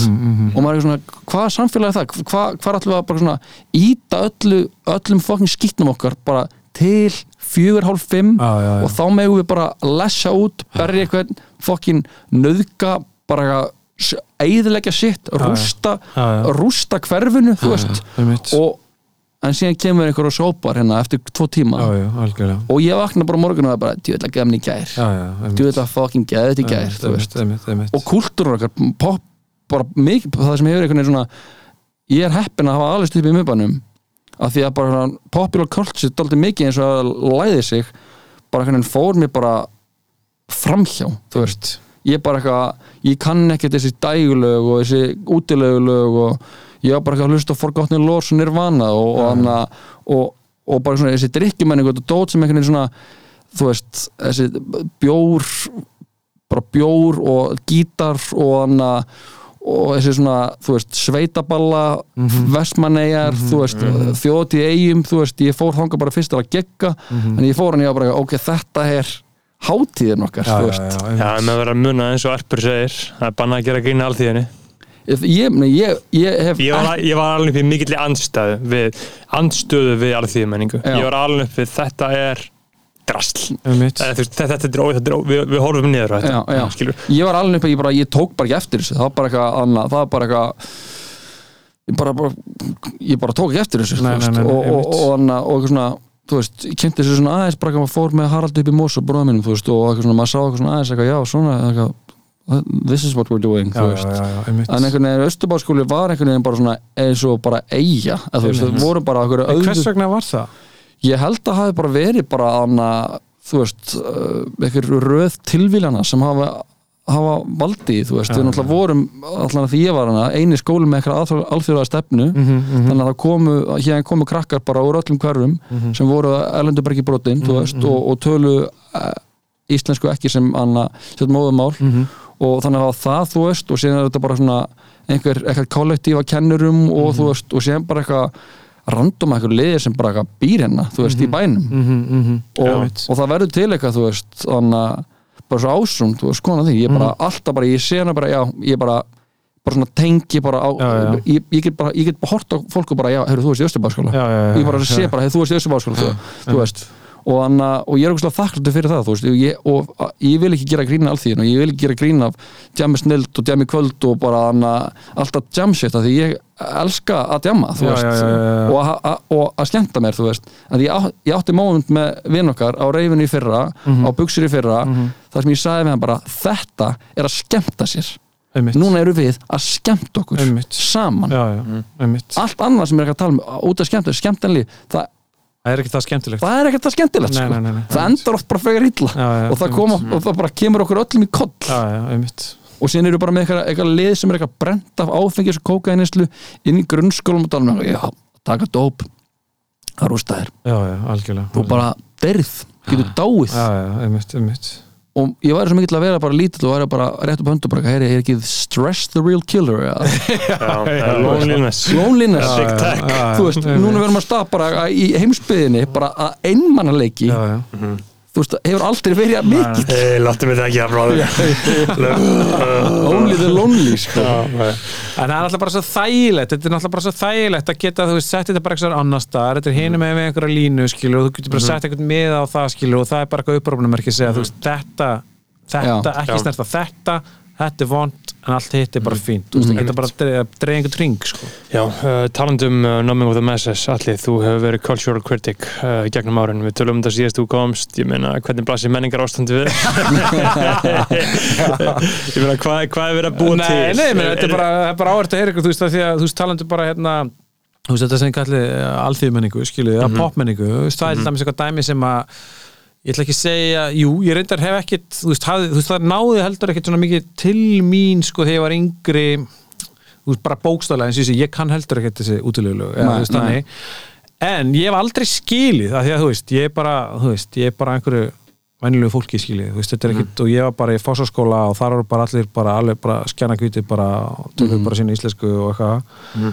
Meir og minna, auðvitað ekki allir en þú veist, svona, upp til hópa. Allt annað en ég kynst með són minn hérna í Östubæðaskóla en bara frá því ég var úlingur þá hef ég alltaf, ég hef alltaf leitað út á jæðarinn og ég veit ekki af hverju, en ég bara hef, þú veist þú veist, ég bara lápar í eitthvað svona, eitthvað, eitthvað svona, þú veist, eitthvað Apex Twin og bara eitthvað svona dæmi, bara ég var svona 12 ára skiljiði, og svo bara, þú veist, vildi ég bara horfa eitthvað svona David Lynch myndir. Og þú veist, eitthvað svona, þú veist, svona þú veist, stóru nöfnin einhvern veginn á jæðarinn með eitthvað svona left field dæmi.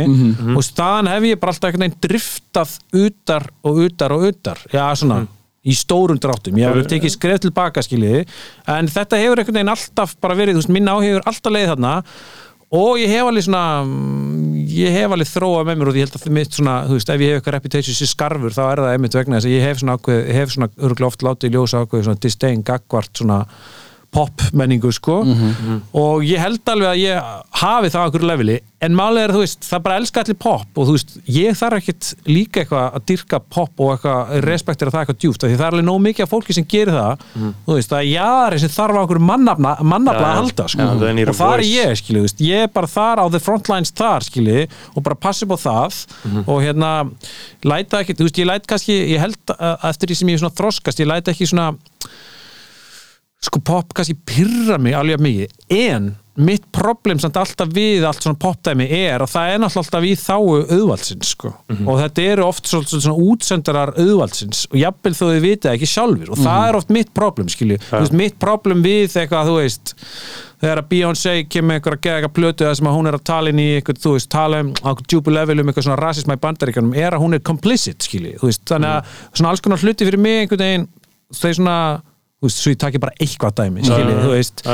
mér finnst þetta bara oft svona vera hólur hljómur í öllum, þú veist, og það, er, þú veist, ég læri bókmyndafræði, skilji, og það er alltaf mikið tíska þar, ég, ég veit ekki hvort það er ennþá en það var það, þú veist það er svona meiri, mm, ég veit ekki þú veist, það er svona, svona há uh, postmodernísk nálgun, það sem einhvern veginn þú veist, öll fagufræði er svolítið lögða jöfnu og bara allt í góð með það. En mér, þú veist, mín tilfinning var að hafa oft verið að finna einhverja hluti í einhverju sorpi sem að fyrir mér bara voru ekki þú veist, það var verið að réttlæta eitthvað drast Já, þú, þú ert að útskrifast byrjun áratugurins, eða? Ég klára, þú veist, BA-próf 2007 og þú veist, svo tek ég master sem ég aðeins setna 2011 sem ég klára, sko Og það er rosalega svona, uh, það sem að er svona að píka núna svona poptimism. uh, Já, ég meina, ætli það ekki, þú veist, ég meina Sér að byrja þarna. Er það að pika núna? Ég veit ekki, menn þú ert í háskólanum núna, skilji Já, mér, mér, mér finnst í svona venjulegum, svona narratífum, venjulegum umhverfum þá er pop snilt. Ég meina, þú veist, ég held Og að það, það, það er allir think pieces að lesa geðveikt djúft í Beyoncé. Já, já, já, og lesa geðveikt djúft í bara eitthvað, ég veit ekki, Lizzo og þú Já. veist og, eins- kannski er Beyoncé í rauninni ekki takk og dæmi af því að þú veist, hún er náttúrulega bara Já, hún- er merkilegur er leiti, og- og- og alveg eins Þú veist, ég- að ég er ekki eitthvað að reyna að teinta hana Nei, en ég á bara sko. við að þú veist, það er mjög erfitt og, það ge, og fyrir mér gengur ekki alveg upp að sko Harry Styles, kannski betra dæmi Já, skiljið hvað er það eiginlega? Ég, var- ég er búin að vera að velta mér upp í smá sko. hvað er í gangi það? Hvernig virkar þetta? Hvernig virkar þetta? Gauður sem kemur bara upp úr bóstæðleika maskínu bara það sem er að fra- framlega þú veist, Já, framlega poppar. Já, og en þú ég meina verður hann er þess að með svona bara- nothing Já. can go wrong. Nei, nothing sko.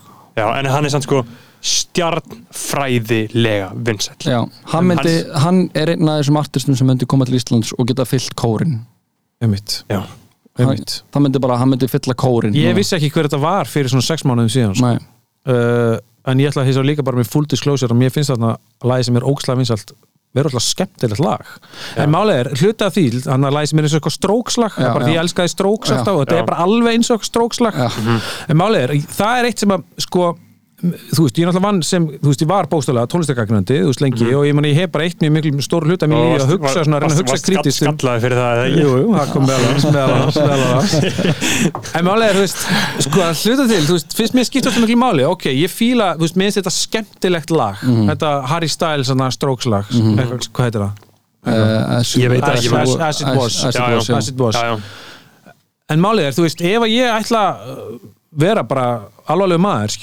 Veist, þá þarf ég að geta samt stíð yfir það, þú veist, ég þarf að sjá handan þess bara hvað tógar svona eitthvað í eitthvað sem ég minn skemmtilegt. Spilar á strengi Já, sem spilar einhvern veginn á mína strengi, þú veist, einmitt, nákvæmlega það, þú, veist, þú veist, þó að það sé spila á mína strengi og ég geti brosað yfir þessu, þá þarf ég ekki að samþykja það, skiljiði mig. Já, já. þetta er bara eins og að vera matarkritík og borða hana, og fá sér sko Sour Patch Kids Mhm, og segja, þetta er ótrúlega gott. Hvað get ég, hvað get ég hvaða kröfur get ég gert ef þetta er ótrúlega gott, Mhm, gott þú veist En mér finnst einmitt, einmitt, nákvæmlega, þú veist, mér finnst einmitt sko fólk sko, þú veist, það nær, ég held í okkar samtíma, þú veist, menningar ástætti, fólk á ógslega erfitt með að slíta sig frá uh, einhver svona, já, svona, þú veist, það getur aldrei reynd, auð, ég meina, auðvitað er það bara raunverulegur ómöguleiki að reyna að horfa eitthvað objektíft, ég meina, allt er subjektíft, Já. en ég held að það sé rosalega holl og rosalega góð æfing að reyna það, eins langt og getur. Að reyna að skilja ego aðeins eftir og reyna að sjá hlutin í einhverju víðara samingi og þú veist e- aftur, ég meina auðvitað litast það samingi bara þinni mentun og hver þú ert og bara þínu agenda, Já. en þú veist ég held þetta sé ósla hotlæfing og ég held maður geti lært ósla mikið á því og ég held maður geti lært ósla mikið um sjálfan sig á því líka, skiljiði. En mér finnst þetta svona, þetta svona self-reflexivity einhvern veginn svolítið vanta oft Já, sko. en það er náttúrulega bara, ég held að það sé bara bein afleðing af samfélagsmiðlum. Þú veist, það er bara anna, það er bara anna, kult, þessi kultúr af anna, við tölum bara main character syndrome, þú veist að núna er það bara sannleikurinn er mín algjörlega. Og það er ekkert sem trompar það Nei, nei, nei, og þess að mér finnist As It Were með Harry Styles, geggja lag þá er það bara þú veist, það er mín skoðun og mín upplöðun og þú að hafna þeirri upplöðun er bara ofbeldi já, einmitt þú veist, við erum komin þangað í orðræðan það. er Já, bara, já. þú veist, að þetta er orðið við erum svo, svo deeply ingrained inn í inn í hvað sko bara hvernig við erum að hætta sko fylltara nokkuð, við bara líka með nokkuð reaktara bara við bara einhverjum bara svona triggerum já, já, já, já, algjörlega, algjörlega. Og þess vegna er þetta, þú veist þess vegna er bara eitthvað koma ný, ný, ný, ný, ný Marvel-mynd og maður er eitthvað svona og eitthvað spyr bara, er ekki, það er ekki skemmtileg? Og ég er bara svona, jú, hún er skemmtileg.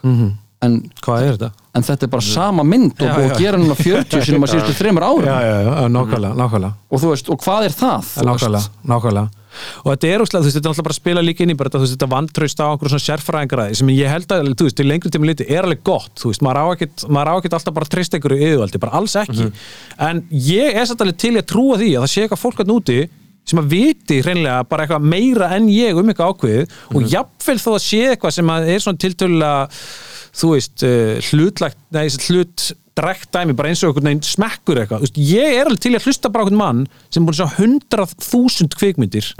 Svona aðeins bara segja mér veist, hvað er gott og hvað er slæmt. Það þarf ekki að þýða að ég með ekki hafa gaman að en ég er samt alveg, þú veist, ég ber virðingu fyrir svolítið stóti Já. og þannig er ég bara innræktur. Og þú veist, og mér finnst bara næs að láta veist, ég elska sko að lesa um um listaverk, þú veist, alltaf, þú veist, ef ég horfa á einhverja mynd heima, þú veist, um leið og myndir er búinn, sko, þá fer ég, að- þá fer ég að googla sko uh, reviews bara, þú veist, ég er bara að lesa bara Já, ég tengi við það. þú Ég- veist, þú veist, ég vil, ég, bæði, þú veist, bæði vil ég vita, af því oft veit ég ekkert hvað mér finnst og mér finnst það líka fyrir sem fyndi, fólk Já. er alltaf svo þetta var geðið mynd, eitthvað, þú veist, Mhm. venjulega er ég bara eitthvað, ég veit það ekki, þetta var þetta og þetta og þetta Já. ég haf bara eitthvað að lefa þess að hugsa og veist, Mhm. hvað þýði þetta hafi verið gott þú veist, var þetta að spila á okkur þú veist, einhverja pólitíska strengi Mhm. hjá mér einhverja meira einhverja tilfinningulega strengi veist, þetta, þetta er ekki svona einfalda spurningar bara gott eða slæmt eða skemmtild eða leðilegt og skemmtild og leðilegt eru kannski fyrst mér að mörgleiti óáhugaverðustu kvarðarnir sko. Já, já. að oft finnst mér það sem er leiðilegt vera óslega feitt sko. Já, Já. ég, ég, lendi í nákvæmlega sama, ég voruð í London og þarna, vildi fara í bíó og það eina sem hægt var að sjá í bíó var bara þetta var mjög tákrænt fyrir tíman okkar, þú kannski séð Top Gun, Thor eða Elvis. Og það var það eina sem hægt var að sjá. Æ, menn, hvað En- síra er þetta Já, en, en þá ertu við að taka strætó inn í annað hverfi, það var eitthvað svona arthouse bíómynd og, Já. og þau voru að sína uh, Paris, Texas uh, Já, eftir já, Wim já, Wenders já, já, já. og þarna, við fórum á hana og bara, já, ok, geggja. Og síðan varum við eftir myndina bara, æ, er ég að ég hef bara ennþá að hugsa um hann skilur, þú veit alveg fokkin skrítin skilur, og ennþá að reyna að átta mig á því skilur, og það var mission myndarinnar skilur, þú veist, ég, ég fór á Elvis. Ég er ekki búin að hugsa um það nei, nei, nei, Skilur. algjörlega, Nei. algjörlega. Ég fór á hann og ég er búin að gleyma já, já, og líka bara, þú veist, það er alltaf já, veist, mér finnst bara alltaf óslega gaman. Mér finnst bara geðið næs að þú veist, ég hef alltaf laðast allir svona bara mjög sorglegum og svona mm. myndum til dæmis. Já. og ég held það sem bara við bara, mér líður ég er óslega svona, ég er svona geðið góðu andlegu jafnvægi og hef bara alltaf verið og bara mér þakkláttu fyrir það, þú veist, mér líður bara alltaf eiginlega alveg hefi vel, sko. Ég sæki held ég í svona, svona sorglega list til þess að kynnast þú veist, myrkrinu og þunganum og mér finnst það alltaf næst, þú veist, það er nærandi fyrir mig bara af því það gefur mér eitthvað perspektíf, skilja og þú veist, og annað, þú veist, um, þú veist þetta er svona orðið svona smá jóki í sko tengda fjölskyldunni hjá mér sko, að því ég sagði þetta ekkert en þú veist, ég vil til dæmis, ég fíla best til þess myndir sem gerist eiginlega ekki neitt að ég oft, þú veist, það er alltaf eitthvað að gerast og maður endast, fólk er alltaf eitthvað að slúðra og tala um einhverja sögur og það er, þú veist, þessi með þessum og þetta, þú veist, mér finnst bara svo næst að bara fylgjast myndir fólki og það er bara ekkert að gerast, þú veist, það er næs, þú veist, það er eitthvað annað. Það er eitthvað rof við það sem ég er vanur að sjá og vanur að heyra og einhvern veginn og vera alltaf í, þú veist, þannig að þú veist, bara myndir eins og bara, þú veist, bara eitthvað Buffalo, þú veist, 66 það er enda að gerast alveg slætt í henni, en til dæmis sáðu Daft Punk myndina sem kom á sínum tíma. Sáðu hana? Nei, sem kom bara fyrir stuttu það Nei, nei, hún kom fyrir svona Mynd. 15 ára síðan. Hún gerir Já. mynd. Þeir tveir. Já, og bara í nafni Daft Punk sko. En þú veist, það er bara eitthvað vélmenni. Mhm. Þú veist, það er bara þessi tvö vélmenni. Mm. Keiri inn í einhvern bæ. Það er eitthvað veginn reynir að taka af sér eitthvað hjálmin og það er eitthvað svona er, eitthvað, er undir eitthvað svona hræðilegt andlit sem bara byrja bráðuna undan sólinni. Þannig setja bara aftur á sig hjálmin og ganga bara út í yðimörkina Það er myndin, skiljiði Það er geðveik mynd eftir Gus Van Sant sem heitir Jerry.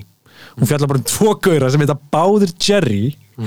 Og þeir hérna eru bara að fara í svona ætla bara að fara í svona einhverja gungu, bara svona trekk einmitt líka í einhverjum svona smá svona eðimerkur landslægi mm -hmm. rekt að tala saman. Við, við, þeir eru held ég reyndar, við heldum við vitum þessi vinir, við lærum það. Svo labbaði bara og þeir villast og við erum bara með þeim, þeir eru vildir það er ekkit eitthvað svona crazy dæmi það sem þeir þurfa veist, að borða hvern annan eða glíma með einhvern sléttúl eða neitt svo veist, þeir bara villast. Og svo er bara myndin búin sko. þú veist, þeir eru bara vildir alla myndin mm annar er að deyra í lokin sko, bara á einhverju svona ofþórnun eða eitthvað. En þeir tala Spo- spoiler, alert spoiler alert. Við þeir, er eru ekki svona tala og þetta er bara ég veit ekki, bara geta gengið inn í einhvern svona heim skilur, sem er ekki svona ég veit ekki, sem er bara svona and samfélagsmiðla dæmi skilur, Já. veist, og löngu, þú veist og ég laðaðist það þessu löngu og kannski er það mitt í stein fyrir svona samfélagsmiðla dæmi er einmitt að, þú veist, ég bara fíla eitthvað sem er bara svona meira, bara svona situr í sér og svona, að ég held að þetta sé bara bóstalega, ég, ég held þetta sé holt ég held þetta sé bara holt fyrir sálina og bara líkamann. Já, ég meina það er náttúrulega bara mjög sorglegt ef að fólk uh, þarf að innbyrða söguna sínar að það séu sprengingar og það séu ofurhetjur og það séu vera að kasta mönnum og það sé að þurfa alltaf allt uh, rosalega mikið að vera að gerast. Já, algjörlega.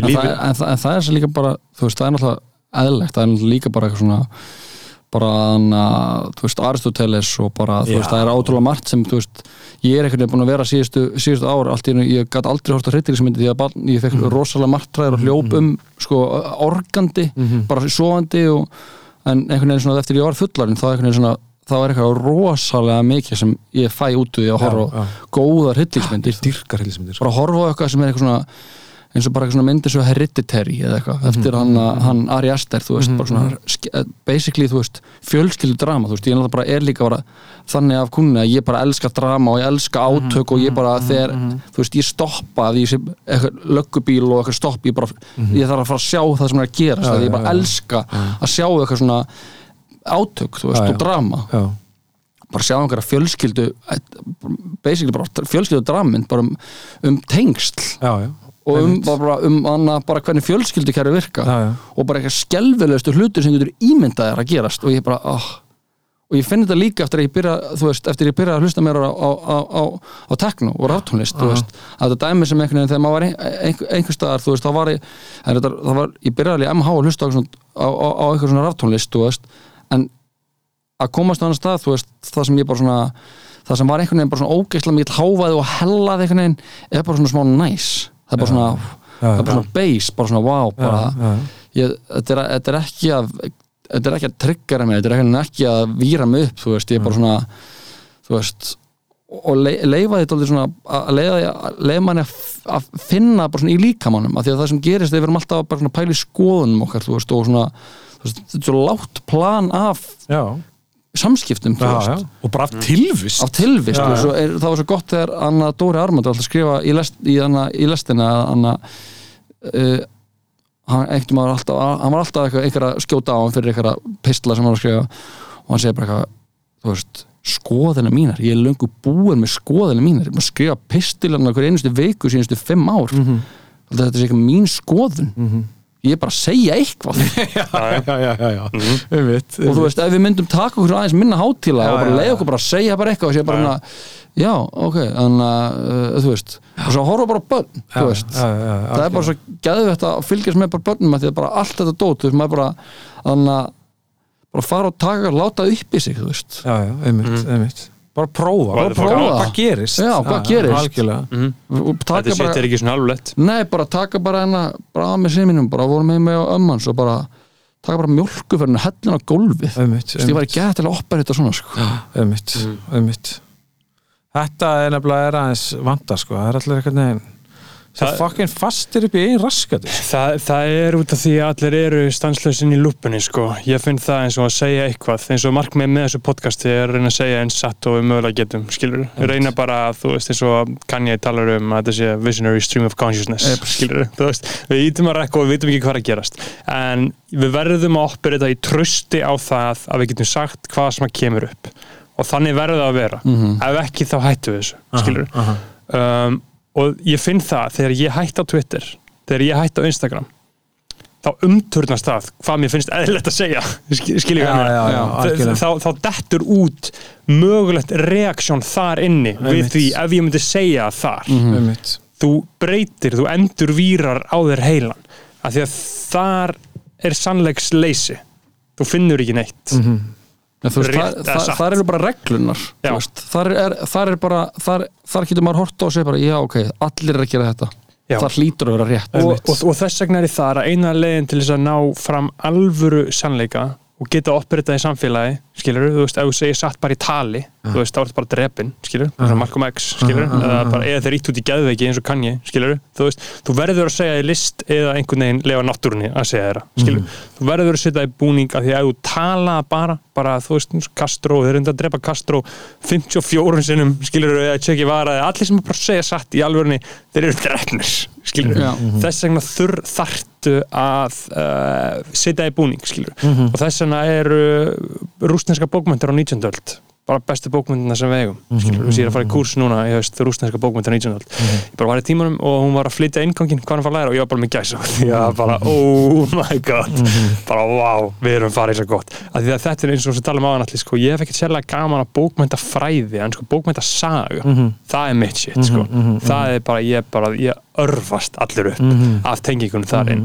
En það sem ég fór að segja með uh, rústinska bókmyndir var að þær eru svo ógeðslega góðar út af því að það var svo brútal ritt sko það var bara svo helluð, bara tsarist ritt Já, já. bara mesta kúara þjóðfélag, meiri kúara þjóðfélag bandaríkin er í dag, skilur og bandaríkin voru þá, þannig að þú veist stóru ritthundanir Tolstói og Dostojevski og Lermontov og Pushkin og allir þessi þau þurftu að finna leiði til að segja satt og komast í gegnum blekja svampið Einmitt, skilurðu. einmitt, einmitt, einmitt. og þess vegna eru skilabóðin svo dölin og þess vegna þarf þú sjálfur að fatta sannleikan í þessu. Og þess vegna er þetta svo djúblega powerful. Og þess vegna kemst í sannleika þar sem þú gætir aldrei fengið neinstaðar í podcasti. Með fullri vinningu fyrir því guðu að formi the great oral tradition þetta er að lengsta veist. og ég alltaf sagt podcastarar eru bara rítumöndar sem nenni ekki að skrifa veist, þetta, er bara svolítið það sko. En þetta er alltaf góða búndur og ég meina þú veist, ég hérna sko, mér finnst að ég er mjög mikið í kringum alls konar listamenn og ég meina ég bý, þú veist, með listakonu og svona,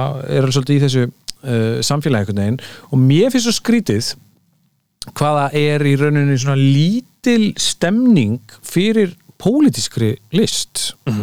Og svona með þú svona vera svona afgreitt sem svona annarsflokks þú veist að sé einhvern veginn að þú veist ég meina sem er alveg, þú veist, þú veist alveg valið punkt, þú veist, punkturinn er einhvern veginn á þá leið að þú veist, ef þú getur bara sagt mér þetta, ef þú getur skýrt þetta út fyrir mér, þá er ekki þörf á verkinu og allt í lagi, en ég held að verki geti samt alltaf diffkað þá hugmynd sem þú ert einhvern veginn að setja fram.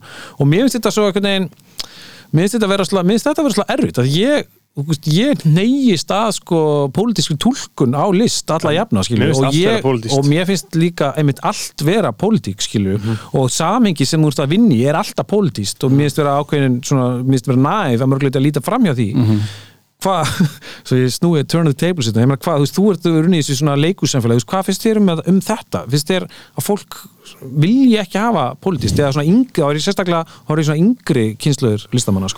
sko Sko, ég held að það sé mjög margt búið að breytast síðan ég klára að lista sko. Já, já. þú veist, ég held að hann að- Já, allt er eitthvað, allir að vinna með eitthvað rusl og eitthvað já, þú veist, ég held að sé svona ég held að, hann að, að þú veist að public discourse hafi haft rosalega mikil áhrif á á upplifum fólks af sko sjálfum sér í list Mhm, og hann að einhvern veginn þú veist, annars ég ætla að fara að, fullir það, þú veist, en að eitthvað lið sé endilist að pæla í að flokka, þú veist, sem er náttúrulega politíst á einhverju leveli, þú veist, en er hann að, eins og Magga Friðriks hjá að postaði um daginn, hann að mynda öllum flugvjölum sem var að fljúa yfir jörðina á einum degi og, og, og skrifa með, fólk er að pæli að svo er fólk að ágjöra einhverjum beljum að prumpa já, já, já, í spurningum um útblæstri, þú veist. þegar ég var í listaháskólum þá var, var þetta mjög kært að ég var, að þú veist, bara svona fyrsta verkefni, einstaklingsverkefni sem ég gerði var fjallaði basically bara um, le, um legamáli og einmitt. Kísla Freyr Valdursson sko, og bara og Ok, hann að gott, svona lokal og gott í Já. raun smátt, sko, ég fíla það já, sko. en þú veist, það var bara en, en það var bara svona gæð mikið dæmi um bara eitthvað svona um bara svona bara plain line, Já, þú veist, einmitt. bara um vald og misnundum Já, valds og, og síðan næsta þá var ég að vinna með Britney Spears og það Já, einhvern veginn já. snýrist út í sýningu sem ég var að hampa mér alltaf tíma því að pappi minn er leikari og mamma minn er leikari og bara, og bara svona og, og, og, útskiptaðu verkefni með fjallaði um vatn, þú veist og, já, og, og, einmitt. og, og verk, sýningi sem ég var að gera hún að senast þú veist, þá var ég reyna að því að ég er alveg eins og þið sko, ég meðist allt vera pólitísk, það er alltaf ástæða í öllu, þú veist, þú kemst ekki tjá því eitthvað svona, nei, þetta á bara að vera svona Nei, nei, nei, en mér finnst samt alveg sko bara svona í, í, í sviðslista í, í þannig að samminginu finnst mér ég svona allan að því fólki sem ég kýsa að vinna með og, og, og, hana, og svona umkringi mig af er, finnst mér þetta alveg vera ro- brenna, Já, brenna já, sko. já, er og, hana, og bara pappi er hana, nýbúin að leikstýra verkefni Tyrfing og, og, hana, og í öllu sem hann hefur leikstýrt í, í, í leikúsum landsins er þetta alltaf bara svona, hann er bara rosalega mikið að pæli þessu, þú veist Einmitt. og, og ég er náttúrulega bara, maður smittast af, af því sko, en, en hann að ég held að sé líka bara eitthvað svona þú veist tendans til þess að gera það sem vorum að tala um að er erfitt að gera á hann, sem er að fjalla þessi út úr jöfnunni, já, já, já, og einhvern veginn ég er, að, ég er að verk og ég þarf einhvern veginn að, hvað hef ég að segja þú veist, Mhm, mhm. Þú veist, hvað hef ég að segja þú veist, bara hvað hefur maður að segja þegar allt hefur verið sagt og sungið og skrifað Mhm, og, hann að og dansað, þú veist? Þannig að þá er kannski bara oft, þú veist, þess að dyrka ég bara, hann að bara klassískar, klassíska frásagnir, bara eins og The Northman, þú veist, þetta er bara sagan af Það er Amlóða, þetta er sagan af Simba, þetta er sagan af Hamlet, þú veist, þetta er bara sama saga en hún er bara svo góð og það er þetta útfæra hana á einhvern hátt. Þannig að þú sér eitthvað nýtt, veist. já, já, já. og, anna, og, og sérstaklega náttúrulega bara í veist, bíómyndum þú veist, það, það er náttúrulega, hefur alltaf verið mitt svona, mitt uppáhald sko. Og, og anna, en ég held að þetta sé líka bara eitthvað svona, á einhverju leveli síðan fyrir þetta bara að vera, þú veist eins og vorum að tala um á, þú veist, þú voru dörrun ákveði gammal og sem ertu bara, já, þetta er svona þú veist, ég, ég, ég er svona listamar, ég gerir svona list þú Já, veist, og svona er þetta. Jú, og, þá, og þá er það Anna, og þá er það allir kannski komið bara svona base audience og þú getur tala inn í þann hóp Já, þú veist, já, já. og það getur allir að förma sig í dótinu sem þú ert að gera og þá er þetta bara eitthvað svona circle jerk dæmi sko. sko. og, það, og ég held að það sé mikil miskilningur af því að núna er maður eldast, ég menna ég er 27 ára þeir eru aðeins eldri en svona maður finnur fyrir því að ég er svona akkurat núna er maður eldast skilur, Mhm. bara svona já, maður er ekki gammal lengur og samferðað fólk manns er orðið margir hvergi bara búin með meistaragráð og komnir í vinnu sem er verið í restan af lífi sinu Aha. og uh, það að eldast margir miskilja það að verða þú veist, að, að vera ungur í anda sé að vera að hlusta á tónlistina sem krakkan er að hlusta á. Já, já, hlusta á á, horfa á TikTokin uh, horfa á Netflix-seríuna. Já, já, en það er svo mikil grundvalla miskilningur að halda sér ungum í anda er að við þetta choose life attitúti bara við getum gert allt. Þetta er ekki búið, Nei, við getum alveg gert þetta. Við höfum trú, við trúum á að við erum eftirvæntingu í okkur. Það er að vera ungur alltaf, það er eftirvænting. Það er eitthvað að fara að gerast. En ég held að þetta sé svo mikið projektað yfir og það að skoða hvað krakkarnir er að gera Einmitt, Já. einmitt, þú veist, í einmitt. staðan fyrir sé hugarfar Já. sem að þú, og gildi sem þú lifir eftir Einmitt. Sko þetta spilar aðeins inn í sem að hérna, þú veist, þú veist, fólk er alltaf svo mikið bara, þú veist, þetta er mín upplifun og hún er bara, þú veist, að, þú veist hún er bara algild og þetta er bara allt í lagi, þú veist, fólk sko, finnst mér, kann ekki að skammast sín of mikið, þú veist, ég á alltaf vinum þau tala bara um eitthvað, að ég heyri, þú veist, er ekki með eitthvað, en að, þú veist, hvað þátt get ég bara eitthvað svona horta á, bara alltaf slökk á heilanum, bara þetta er bara erfið dagur og bara börninu eitthvað, þú veist, ég er bara nýbúin að svæfa og eitthvað svona. Ok, en ekki þú veist koma til mín og vera eitthvað stoltur af þessu að þú sért að leita þessu. Mér finnst það ekki vera cool. Mér finnst að þú reyna, reyna að maintain einhverju svona decency gagvart sjálfu þér um að þú ætlir ekki cave in skilu, auðvitað getur verið erfitt og auðvitað viltu kannski bara slökka á þér en þú getur ekki bara, þú veist, vera óslega ánæði með það, skilu og þú verður að, þú veist, búa til space til þess að leita eitthvað annað og leita eitthvað dýpra og gera eitthvað annað. Þú getur ekki bara, getur ekki bara lagst niður og ætla að slökka á þér, skilu það er til dæmis eldast, skilu, það er bara Já. eitthvað svona uppgjöf Já. skilu, það er að gefast upp fyrir The Global Unemployment Project. nákvæmlega, Já. og þú veist, skorta alltaf forvitni Já. og svo veginn reykja þér af því, mér finnst þetta Já. svona ekki cool, sko, svona skiljið hvað ég meina? Já. Já, já, já. og líka það, þá kemur líka bara ég skil þetta ekki ég, skil- ég skil ekkert í þessu. Nei, nei, nei, einmitt, og maður er svona, já, ok. Ég bara skil ekki nútíman já, en ég skil ekki hvað er verið að tala um. En eitthvað, ok, veistu eitthvað að reyna að gera það? Veistu eitthvað að reyna að skilja? Það, langaði að skilja? Hvað skilur Nei, nákvæmlega sko. og þetta með bara einhvern veginn ég veit ekki, þú veist, þetta bara þú veist, tengist líkinni bara, þú veist þú veist, að tala, þú veist, þegar að lista minn bara finna sér sitt krát skilur og fara bara að tala í það og þetta verður eitthvað circle jerk. Þú veist, ég er svona með svona pælingu sem ég reyni að úslega mikið að svona reyni einhvern veginn að lifa eftir, sem ég kalla sko anti-success. Þú veist, þannig ef eitthvað er fara að ganga vel skilur, eitthvað gengur vel hjá þér og það er svona ná traction þá er það kannski, þú veist, það getur alveg gerst um, en það er kannski vísbendingum þú sérst að gera eitthvað ránt og ef það, og ef, að- ef að allavega er ekki vísbendingu, ja, þú veist, þú verður eiginlega að trýta sem vísbendingum þú sérst að gera eitthvað ránt og gera það eitthvað annað næst. Þannig að þú veist, aðeins þú veist, ef það gengur vel, þá verður að breyta. Það er basically svona, Já, já. það er svolítið korið í þessu. eitthvað nýtt. Þú verður að gera eitthvað nýtt af því að þú veist, annars ertu bara, bara þú veist, það ertu bara playing to the crowd já. og það er bara ekki interesting. Sorry, þú veist, það er bara ekki interesting. er nákvæmlega sko. Einmitt. og þú veist, og málega að ef að þú ert að fá, success þá er kórin og sterkur sko. Þannig að eina vísbendingin og sért að gera eitthvað rétt. Já, er ef þetta er að, ef þið texta floppa sko. Mhm. þú veist. Og ég held að þetta sé ég held að fólk þurfi að hugsa miklu meira svona og líka bara, þú veist, fyrir utan alltaf bara fólk er algjörlega endurstilla bara hvernig hann nálgast öll sín verkefni bara með það fyrir augum að þú veist vilja ekki fá umbun sko. þú ert aldrei í rauninni, þú veist, verkefni sjálft verður alltaf að vera uh, markmið en ekki viðbröð annara við því skilju Þetta, er- þetta er ástæðan okkur hægt á Instagram í haust Já. til þess að læra þetta. Já, til þess að ná að internalisera þetta mindset. Já, ferlið er það sem að skipti máli. Þú veist, þegar maður er að skrifa, þegar maður er að búa eitthvað til þá þarf ferlið að vera nummer 1, 2 og 3 en Instagram vinnur gjörsamlega gegn þessu. Já. það er bara incentivisaði til þess að setja eitthvað út núna og láta meta strax. Já, já, einmitt, einmitt, af órökréttum stöðlum. Einmitt. uh, þetta er einmitt það sem ég er að reyna að reyna að ná að fatta með líkamannum ég skil það alveg í hausnum, skilur en þú veist, ég þarf að ná að muna þetta á uppgjávar momentum já, já, skilur algjörlega, mm, algjörlega. uh, já maður, shit is real sko too real sko, það Já. er bara fucking heitt í eiginstofi á Já. þessu fallega 15. kvöldi í Já. miðbar Reykjavíkur sko. Uh, loka spurning, Alli, uh, þú ert bókmyndafræðingur Þannig að ég meina sögurnar sem fólk er einbyrða uh, Sögurinn fó- sem fólk er að segja þér Ja, það er svona, þú veist, við, erum, við erum búin að vera svolítið að snerta á þessu en ekki svona alveg, þetta er peasant poison sem Já. að streymisveitinar eru já, já, já, og hvernig það beigur fólk, skilur við við Íslandingar erum búin að vera að segja hvort það eru sögur. Uh, við erum búin að skrifa bækur Já. bara, við skrifum bækur í þúsund ár Já. áð, áður en einhver fór að pæli af hverju ég að Já, gera já, það, þetta er bara eitthvað sem að meistarar gerðu, Já, já, uh, heldur þú veist uh, að bókmyndunar uh, séu döðar, heldur að sé búið að skemma heilan í fólki, heldur að séu von, veist, skáldsögur Ég horfði á um daginn, hérna, ég horfði á um daginn uh, eftir að Salma Rústi var hérna stungin, þá horfði á heimildamind, BBC heimildamind sem er kannski svona 15 ára gömul, ég byrja á henni, eh, sem að fjallar um, Já, sem að fjallar um í rauninni málið, sko, ah, sem, og menningastriði kringu það? Já, og menningastur í kringu það og, og bara mjög margt áhört sem kemur fram í henni og, og, og meðal annars kannski eitt sem er að þú veist að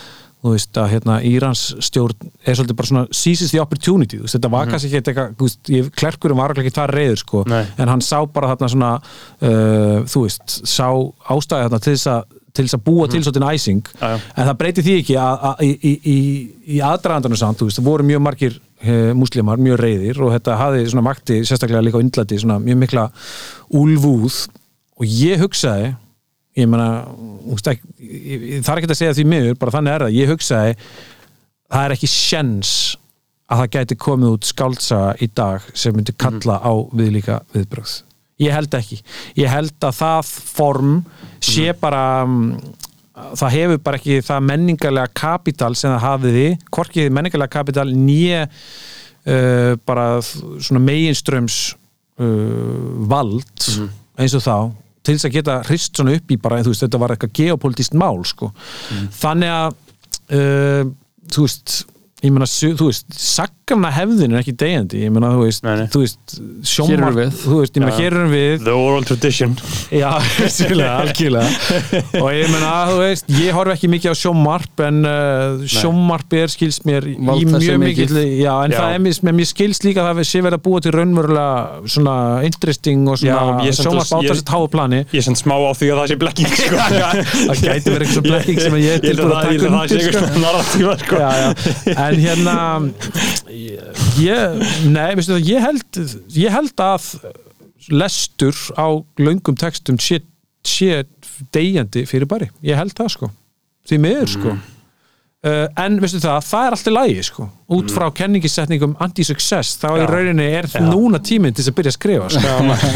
já maður veist, þegar, maður. þegar að lesendahópurinn er að degja út sko, Já. þá, Já. þá er momentið Já, sko. og bara, og, og bara hæfnin til Já. þess að gera það er basically bara hverfandi eins og ég er búin að segja allt ár, 2023 the white male novelist is back. Látum þetta vera að loka orðin hjá Já. okkur hérna úr eigirstofu uh, Guð bless ykkur, kæri lustendur uh, að segja við um hvað að koma á Patreon uh, og njóti helgarna, njóti höfðsins heyri þetta helviti successi rugglaðin í já, hei, við erum mega money maður, hei, ég maður að borga leigu. Uh, borga afborganir. Uh, Alli, takk fyrir komuna. Takk bara að kella fyrir uh, þú ætti nú bara að koma sem third mic hjá okkur. Aftur. Um, þannig að Guð bless ykkur, kæri lustendur Boys. Um bróðir